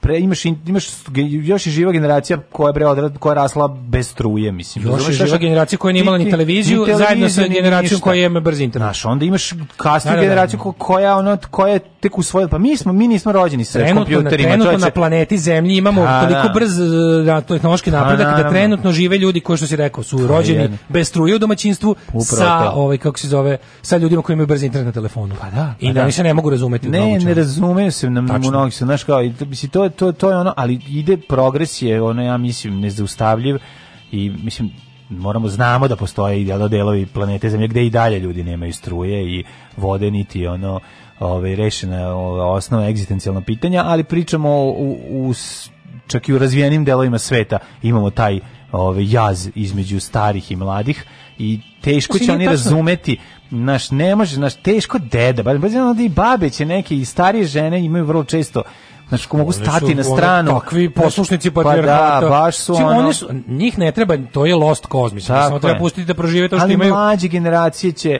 ove, ali se mora raditi na mlađe. Da, da. Mislim, nema šanse da baba tetku naučiš da, da, da, da muško dete nije važnije od ženskog. ona, to, to. ona je to ubeđena u to. Ali kod Ona svake sama sledeće generacije se shvata da Zato to ono što više smo pričali, nije... nema veze, njoj su to utucali u glavu da. i ona sama, kad, kad su tu, kad sede Milan i Sanja, Milan će dobiti čokolade. Ne čokolade, Milan će Milan dobiti batak, da ovaj će dobiti karabatak, razumeš, Tako bolje je, to dobiti. I to će da uradi sama da, tet, da, da. baba tet. A onda i Milana koja sedi pored dobija poruku da je da Milan da nešto, važniji od da nje. Da nešto prirodno da u tome da Milan da, dobije da, da bolje. Da, da. I onda se da tu... to, da je to neki proces u prirodi koji valjda postoji od postanka sveta. Tako je, pa se onda baba, Milana uda pa mora da izađe iz kuće, baba a Milanu ostaje kuća i sve. Tako je, baba je veza sa starim svetom. Da, da, da. da, da. da, A i onda, pošto ona vidi kao, pa znači, oduvite tako, to, to je normalno, ja ću da počistim posle e, Milana. E, to mora da se zaustavi. To mora da se zaustavi. To mora se zaustavi jednostavno, kao i sve ostale stvari. Ti pogledaj koji smo mi napravili, napravili zadnjih 200 godina. Znači, ide jedan, čovek, čovek danas u odnosu na pre 100 godina šanse da nasilno izgubi život su se smanjile mm -hmm. 2000%. Znači, yes.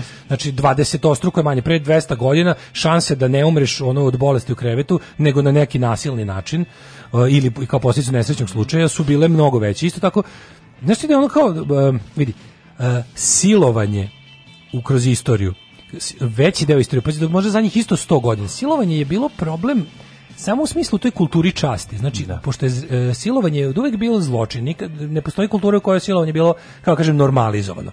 Ali je silovanje nije bilo problem samo po sebi i kao nije se gledalo kao na kao na nešto jezivo što je ono naj, jedno najgorih ljudskih dela koje može drugo ljudsko biće, biće, da uradi, nego je gledano kao na e, narušavanje časti muškarca čija je ta žena.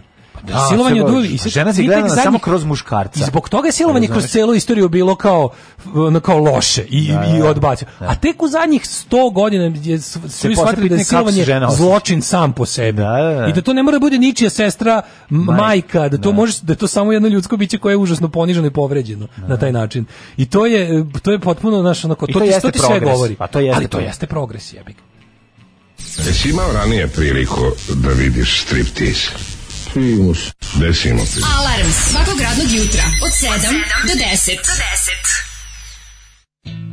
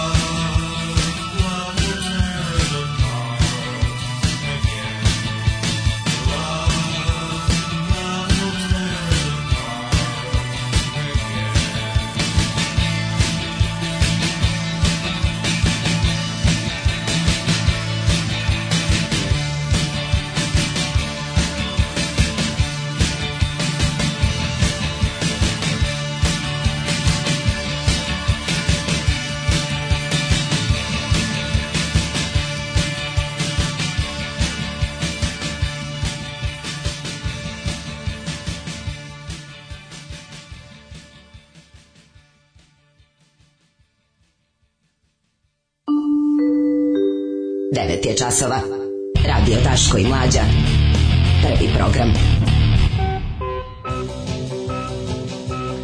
9 i 18, e, treći kobni sat, petak, e, juni 24. Danas će biti, valjda će se pojaviti neka kiša, čini mi se. Da se mislim, eh, kaže tradicija, muško dete ne valja da gleda, daj prvo njemu, muško dete ne valja da čeka, daj mu odma. Pa ja da. kažem, žena mi je tu, neka ona odluči.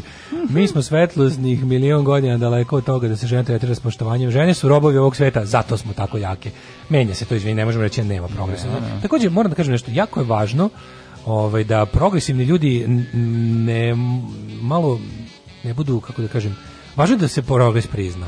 Ajde. Pa da. Znači ne možemo govoriti da svet niko nije odmakao i da kao neko naš, kad neko kaže ono danas je rasizam gore nego nije danas rasizam gore nego ikad, danas seksizam ništa nije gore nego ikad. Znači vrlo malo stvari je gore nego ikad. Znate šta je najgore danas u odnosu na pre? Naše ono kao stanje naše planete.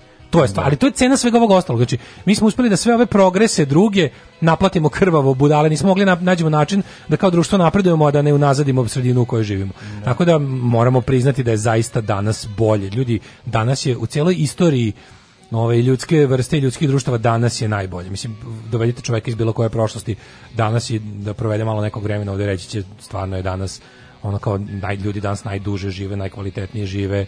To ne znači da i dalje nema ono Eh, delova sveta gde je užasno, gde i dalje onako i dalje taj progres nije ravno raspoređen, ali i danas onako danas seljak u Bangladešu živi bolje nego ono gospodin u Evropi pre 100 godina, razumeš, tako da jednostavno postoje, ono, progres se desio i progres se dešava i što ga više budemo svesni, to ćemo biti svesni kuda dalje da idemo. Naravno, naša želja, naše nemirenje sa time da smo nešto završili i čini da napredujemo dalje.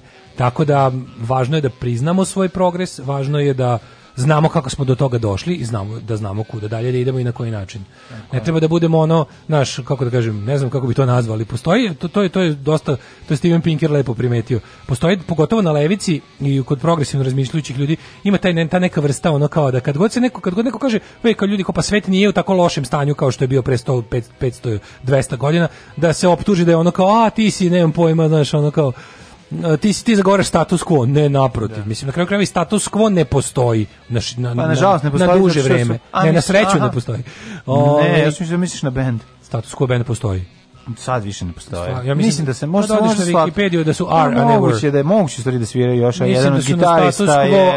R, a ne Da, jedan od gitarista je pokojni. Pa to da je preduzeće tu, nema, tu Nije, nema, tamo su, oni su originalno svirali jako dugo, da, da, da, i nije tu bilo kao, da. bilo origi, originalna postava. Pa da, da, status quo je na duže staze ne postoji, mislim, sve čovečanstvo ipak napreduje, majko mu naravno da mm. napreduje. Pogledajte samo šta danas imamo, a šta nismo imali pre 20 godina. Ako budemo stigli, ja se nadam da ćemo imati jednu, jednu temu kao ovaj, najstariji ovaj zločinac, ima 100 godina počinio zločin, moramo da vidimo, ovaj kako je to uradio pa, i šta to ide u skladu sa ide na ovu našu priču da se 100 godina ovaj ako izvrši violent crime da si slobodan. Pa to ćemo da vidimo. Moja baka 90 godina koristi mm -hmm. net, face, Skype, čita jedan mrzi mm -hmm. Vučića odraslo patrijarhatu i to bez struje, pa je ona uspela Menja da skonta se. koliko je to sve poremećeno, mm -hmm. jer sam se ja potrudio da je updateujem. Od kad živi kod mene zadnjih 10 godina, na kraju baba postala bukvalno najmoderniji član porodice s kojim se najradije ispričam. Bravo.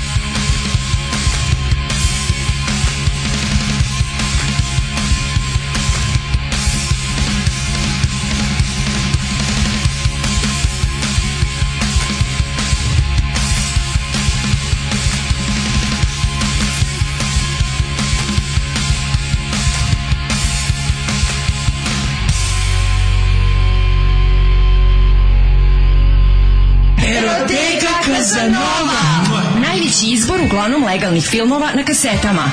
Bizar, Trudnice, Nerotkinje, Rusini, Animal, Sek za ogreb, Marijan Rističević, Koprofagija, Guma, Silikon, Pločice, limovi raznih profila. Eroteka Kazanova. Eroteka Kazanova.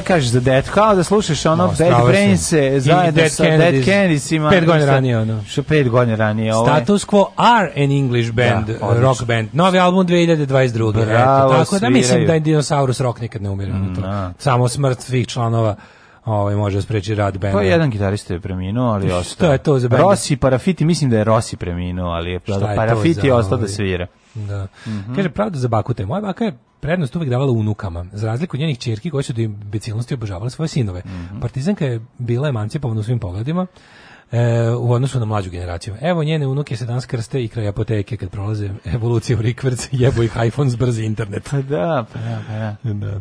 Ove, e, šta e, da se tuga, se, tu, tuga je tužna činjenica da su uh, sada recimo generacije roditelja progresivnije od generacije svoje dece. O, to je, pa kažem ti, to je... mrzim mlade zašto nisu mladi ako postoji razlog zašto sam besan na mlade, kako ti ne razumeš mlade, pa ne razumem ih, hoću da budu, hoću da budu, hoću da budu luđi, da. progresivniji od mene. Ne da se da. svađamo o tome da li treba imati uzeti muže u prezime i roditi petoro dece i i ona kao biti I da u domaćica. 19. godine bude pseudo bojem, da, razumeš, da, da, da, ona i daje, ona ide i ide da u, u staru ne, našu neko, kapanicu. Neko će reći da je ovaj da je i zatucanost progres u odnosu na koji ne razumemo. Mislim, znaš, mm, reći, to je samo drugčije. Ja neću ne, da mladi ne, budu drugčiji, hoću da budu bolji. Tako je. Hoću da budu, hoću da budu, hoću da pomeraju granice socijalno, hoću da se da ne da ne pokreću točak istoriju nazad, hoću da nemaju duhovnika. Hoću da budu da osvajaju veće slobode da osvajaju vede, traže više slobode. Ono što hoću da babe i dede ono dobiju infarkt kad čuješ kako kako mladi razmišljaju, da kažu to tako je. Nema je evo sad nema dobrog ubistva dok stogodišnjak ne uzme stvar svoju. E, stogodišnjak ubija Nema danas kako ko ubija danas. De, matori ljudi. Matori nekad je to bio nekad to bio posao mladih mladi. Nekad su to mladi radili. Ja. Da. On je za sada najstariji pritvorenik u zemlji, ali detalji zločina još nisu poznati. Neverovatno hapšenje u staračkom domu u Belgiji pokušao je da beži, ali ovaj a policajac je bio previše brz da bi ga uhvatio. Znači jednostavno tako sporo u metu nije mogao da, da da, da, presretne. Da, da, da, to slow to intercept. Kaže šta radite sad? Pa evo bežim. Kao, kako bežiš kad si na istom mestu? Pa imam 100 godina. Ovo je bežanje kad imaš 100 godina. Mm, da. da. Kaže belgijske vlasti Ti meni slobodno su... pored sviri bendžo, ja ću da, da kako mogu. belgijske vlasti privele čoveka starog 99 eh, ili 100 godina, ne, nije on sigurno, sam nije siguran, tako piše ličnoj karti. Koliko si star? 99 ili 100 godina. Pod sumnjom da je ubio kolegu iz doma za negu starih lica u kome živi preživeo prenosi Guardian, pozivajući se na agenciju Belga. Nisu još poznati detalje ovog smrtnog incidenta, niti da li je ova vest uopšte istinita, koji se dogodio u ponedeljak, ali je tužilaštvo u belgijskom Gentu u saopštenju potvrdilo da je stanovnik doma u pritvoru pod sumnjom da je izvršio ubistvo. Belga je juče izvestila da je osumnjičen stara... crime of passion, da je, da li je iz niskih pobuda, je murder one, je manslaughter, šta je? Iz jako niskih pobuda, pošto su oboje pali bili kad se Šta, šta ga čini nevjerojatno najstarijim pritvornikom Belgije? Kaže ovako, Rekao se ponavljaju istu stvar vrte u klubu. Poslednji Hoćemo saznati kod čega su se... u staračkom domu datira iz 90-ih prema zvaničnim u ubistvu u staračkom domu, dobra Agata Kristi, a mogu bi biti i Radomir Belačević. Pa, ubistvu u staračkom domu je film koji više ne može da bude snimljen. Zašto je to predo sada? Mislim, Razmišljam kako bi kako to bi misliš? ti to Zašto to misliš? Pa re, razrešeno je odma, majko. Ma šta je razrešeno? Sam događaj fenomena, ne, ne, ne, ne, ne što bude hudanit. Zašto? Pa zato što ne može se sakrije, jebote, ono kako kako ti sad zamišljaš ubistvo u staračkom domu? Ko pa- je izveo korisnik staračkog doma? Prvo je, prvo i prvo, ti ljudi su stari, utvrditi ko, kako ga je ubio, možda neki mag. Pa kažem nema trovanja nema, nema, lekovima. Nema, nema, nema suspenza, nema misterije, nema ničega. Gde, nema, ima samo ima samo jednog nemog divljenja koje može trajati 5 minuta, kaže. kako je uspeo jebote. Znaš, kako, kako uspeo sa toga? godina? Znaš da mi imamo ono naše pravilo šta sve treba? No. Da. Koji deo zakona treba da prestane da vraži za svako kako ovaj podbiva sve stane? A ne, rekli smo ako sa 100 godina može da ubije nekog golim rukama, samo se tako rekao, ne oružjem. Da, da, da. Ako, to je bilo godina, ako 100 godina može da ubije nekog koristi koji je 50 bez godina mlađi od njega. Bez vatrenog oružja. Koji je 50 godina mlađi od njega? Ne, a bilo mi... koga. Ajde, sad ono šta ubije nekog sa 98 godina pljakavo. A bilo koga da ubiješ bez vatrenog oružja sa 100 godina. Da, ovaj kako se zove?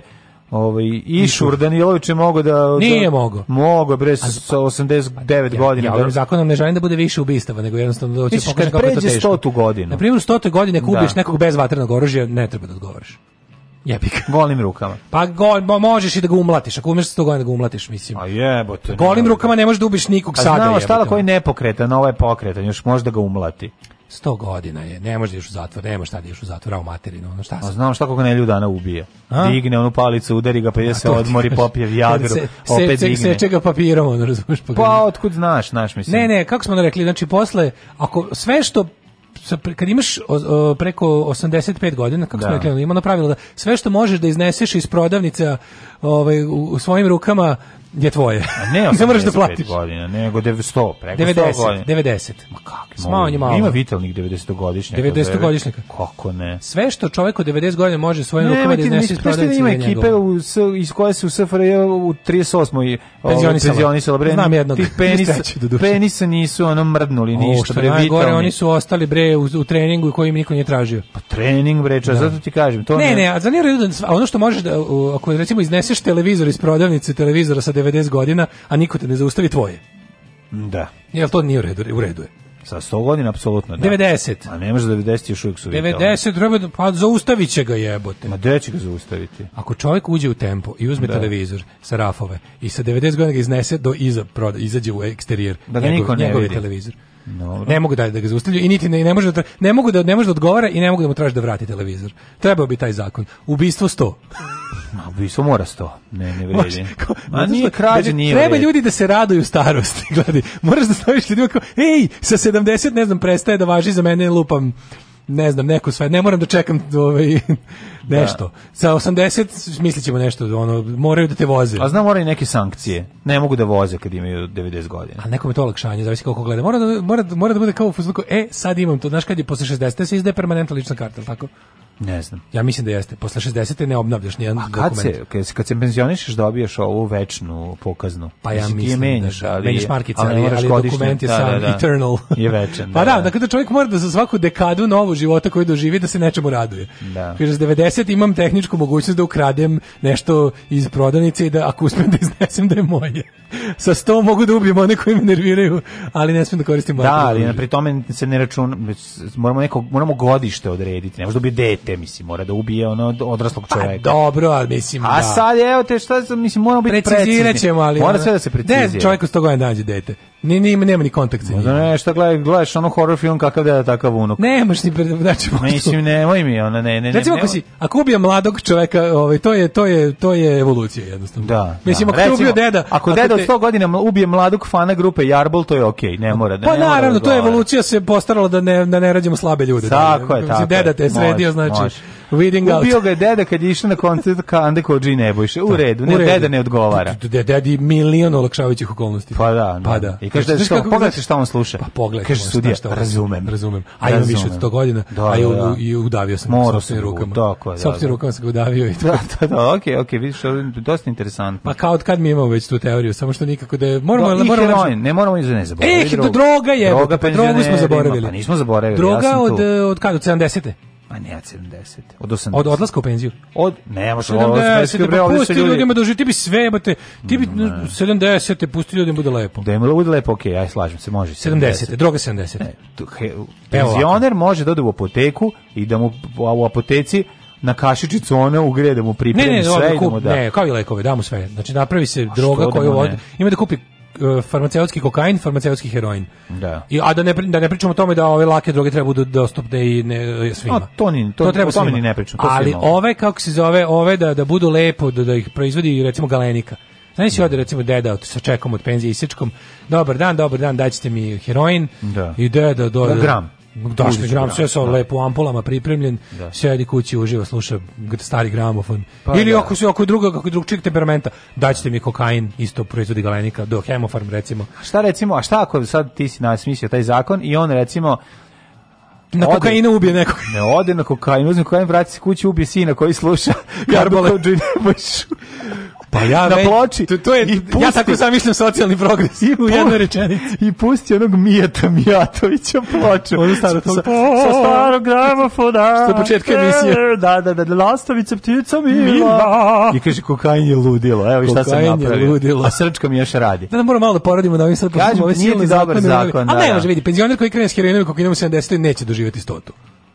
Biće mu lepo koliko mu bude lepo. Bijelo da znači, što neće doživjeti stotu, pa neće biti opasnost. Mislim, to, ima tu i dosta prirodnih ograničenja. Aj, vidjet Važno je da njemu bude lepo. To, to je čovjek koji vjerojatno odlučuje, vidi. Taj koji sa 70 ode u apoteku i kupi naš zamišljeni legalni heroin, galenika mm. i mhm. kokain hemofarm, taj ne planira da nikog ubija sa 100 godina. Vjerovatno.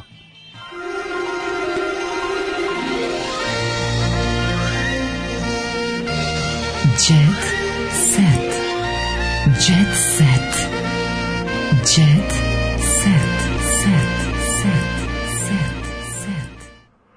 ubistvo u staračkom domu, fore da se niko ne seća da je bio pre pola sata, kamli gde je bio vreme ubistva i eto zapleta. Pa zaplet ne možeš ništa. A? Da. Ali slušaj, Ove... Ovaj- stari, slušaj zaplet stari pandur koji je u staračkom domu. Pa da, pa da da, da, da, da, da, da, sve je, sve je, da. Sve je, to je da, jako dobra ideja. Kokun, ono, i sećaš onih čaura film sa onim matorcima što otkriva, vanze vanzemaljske. Odlična ideja. Moj deda Partizan ima ekipu progresivniju od cele moje generacije pre 80 godina. Pizda na materina. Da. da. Uvijek sveti babi komšiluka koja je imala preko 100. Nakon... Uh, nakon što sahrani njenog sina, pitao je kako si bako, sin ti umre, on odgovori, pa dobro, ima i on godina. Mhm. Švedska komedija 100 godišnjak koji je skočio kroz prozor i nestao piš, pogledajte. Mm, da. Ove, ovaj, uh, koji TV? Ovaj katodni ili onaj flat, bilo koji? Bilo koji. Moko mekan. Horor film kakav deda mrtav unuk. Da. Ako držim sto, nadam se da ću se setiti ove priče i pokušat da dobijem nekog crevom od katetera i da se izvučem. Ljudi, lep provod, sutra ne mogu da dođem, kad bude čabare, eto mu u prvom redu, ali bez sisa, nažalost. Nema da. veze, dobrodošli došli smo. Nema veze, bi bilo 16. sisa, nema čabare sisa. u dvorištu Crne kuće. Uh -huh. Ove, ajmo da vidimo, prijatelji, druže, brate, šta kažu mladi. Opsednuta je nova devika Darka Lazića proganjala Acu Lukasa. Barbara Bobak je pratila pevača na njegovim nastupima, jurila ga da se slikaju zajedno, a koliko je opčinjena njime, pokazuju fotografije na kojoj se vidi pevačev lik na maski njenog telefona. Znaš, Acu Lukas, imaš mac, masku Ace Lukas. Matori, pa mislim, to je normalno. Ko što bi ja volao da imam, ko što bi ti volao da imaš logo od da Misvica, to je njima Misvica, to je njima to je. Da, kad sam bio klinac, da, vera, sigurno bi volao. Da. Darkova majka, ba, Barbika ili Barbara je lepša od Marine, to kaže Darko. Inače, to je devojka sada ovog, ovog frajera Darka Lazića, jel, da, što smo rekli, što voli da spuca automobil u drvo ili u banderu, za sada ne u čoveka, hvala Bogu. Ivan Milinković, Nagrade su mhm. draže u solo karijeri. Pevač Ivan, ko je Ivan Milinković? Pa legende. Znaš, ladno, ali od, legende, pa bivša legenda. Sam. Bivša legenda. Da, da, bivši pevač legende, partizan. Partizan, da, da, da. Partizan, da. Dobitnik je nagrade car Konstantin za izuzetne vokalne sposobnosti. A, le, ali znaš kakav tip ima glas? Koja nagrada? Znaš kakav momak ima glas? Ko? Zamisli šta ko je, je on dobio. On je baš stac u crkvi. On baš ima to nagrade su uvek potvrda da radite dobro, da tome što radite ostavljate trag. Bilo je obriši trag. Bilo je da nebrojeno nagrada u tri decenije dugog karijere. On 30 godina. Meni za, za mene taj 30 godina ne postoji. Ben. Da, da, da, on 30 da, da, godina. Da, pa, od kad je krenulo cveće cafnalo, od kad je počelo sve. Cafnao život. Od, od kad su usahle ono boje. E, Ceca na Kipru, Kipru uživa u noćnom kupanju. Ceca ima svoje nešto na Kipru, vidi kod nekog. Ima, ima, ima, gajbu, ima svoje nešto. Ima gajbu na Kipru, da, da. Ša, Ivanu sam ponizio, a sada želim da je vidim. Može se da ponizio, ponizio pa ti još. A znate prema tebi, jesam bio loš. Nemamo dalje sljedeće, znaj. Ali dođi još ne znam, ne znam. Ehm, reper Nenad Daličić poznati kao Šajan Polizio, Ražnatovićeva nakon proslave svog rođenja. Pobedi, pobrkao se dva testa zbog lošeg, zbog lošeg ovaj, eh, pre, preloma. Mm -hmm. E, Jelena Gerbec izvadila silikone iz grudi. Gde ih ostavila? E, u pločice. Ja ne znam šta je meni, ja sam čudna lična. Stavim grudi pa izvadim, mudam se pa se razvedem, pa se opet vratim. Ne oblačim se provokativno i te grudi nikad nisam ni koristila kad sam imala silikone. Ja. Da. Puno sam trenirala i onda sam to tkivo samo nestalo i onda sam rekla doktoru da mi uradi bukvalno neprimetno. Međutim, nismo se dobro razumeli i bila sam totalno nezdovoljna. Onda sam rekla šta će meni to? Ja nisam taj tip devojke. Čekala sam samo da prođe taj neki period da mogu ponovo anesteziju steđu pa da ih izvadim. Eto, isti, Eto, probala. Stavila, if the izvadila. shoe fits you, pa, if da, the glove pa ne, fits. Radi, kažem ti, to je, to je, to je snimam, ej, je večeras kraj prve sezone igre sudbine, mlađo. A, to je večeras. Ne zeza, ti znaš ko glumi Stefan Pijale? Stefan Pijale, što nikad ne znam Pijale, znači, Stefan Pijale, da ga Mm -hmm. Kakav mladi nedonoušć. Izgleda kao neki Jim Jeffries kog su ono držali spod stepeništa. Mada je Jim Jeffries izgleda kao su ga držali s potepilišta. Ljudima se mnogo draži e, sada od kad je Luka postao pozitivan lik, kaže Stevan Pijale.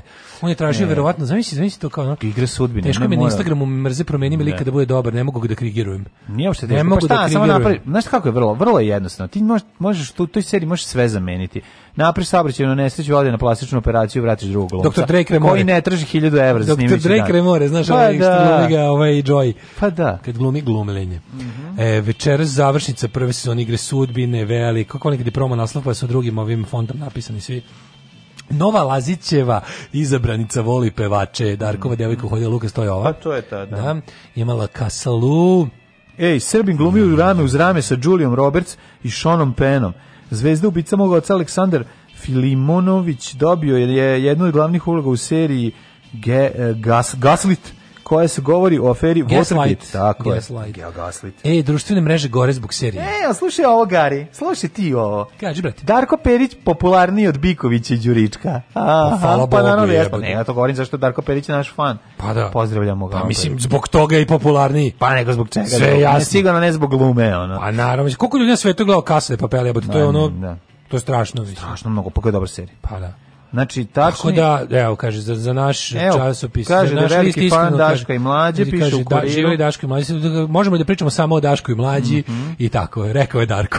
tako je, ja sam rođen u Jugoslaviji i sebe da je smatram Jugosloveno. Fuck yeah! To care, to care. Kako da ti kažem, we are the crew. Tako uh, društvene mreže gore zbog serije. Vrele scene Milana i Teodore Bjelice. Milan i Teodora Bjelica su zajedno imali... Teodora Bjelica je nastavila putem svoje majke. Do, da. da Bude dobra riba u, do, do, u da, serijama. Dobra sporedna riba u serijama. Dobra sporedna riba u najgledanijoj seriji. Odlično, apsolutno. Tri muškarca i tetka. Jesi ti u srednju školu za to? O, Dobra da. sporedna srednja škola. Do. Milica na bini bez veša. Milica Pavlović stupila u predstavničkom lokalu atmosferu dovela do usijanja. Naime, na nastupu se bilo zelena haljnja koja isticala njeno vitko tijelo i obline, dok su mnogi pitali imali donji veš. Ona je, ona je plenila, a s obzirom na prorezi na haljini, veš je morao da ostavi kod kući. Neka, neka, e. zato je bilo mnogo bolje. Drugari, Skup razvod, Indi se prisetila batina Milena teškog perioda posle farme, odvikavanje od ovaj od realitija, to je dosta zajebana stvar. Braći sestre drugovi, ovaj patreon.com kroz Daško je mlađa, PayPal, OTP račun imate tamo na našem sajtu način na koji možete podržiti naš rad i da vrelo, vrelo toplo leto. Mm. Hvala vam što nas podržavate. Sutra svi koji ste se prijavili vidimo se ovaj na Iriškom vencu, na Neuranku, da se dobro zezamo i provedemo. Ponesite svoje dobro raspoloženje i nemojte ga kriti. Vidimo se. Ćao. Ko ponesite dobre namere kod kuće, ostavite probleme.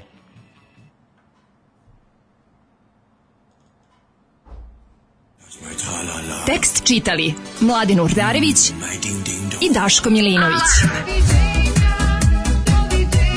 ton majstor Richard Merc. Realizacija Slavko Tatić. Urednik programa za mlade Donka Špiček. Alarms svakog radnog jutra od 7 do 10. Oh, you touch my tra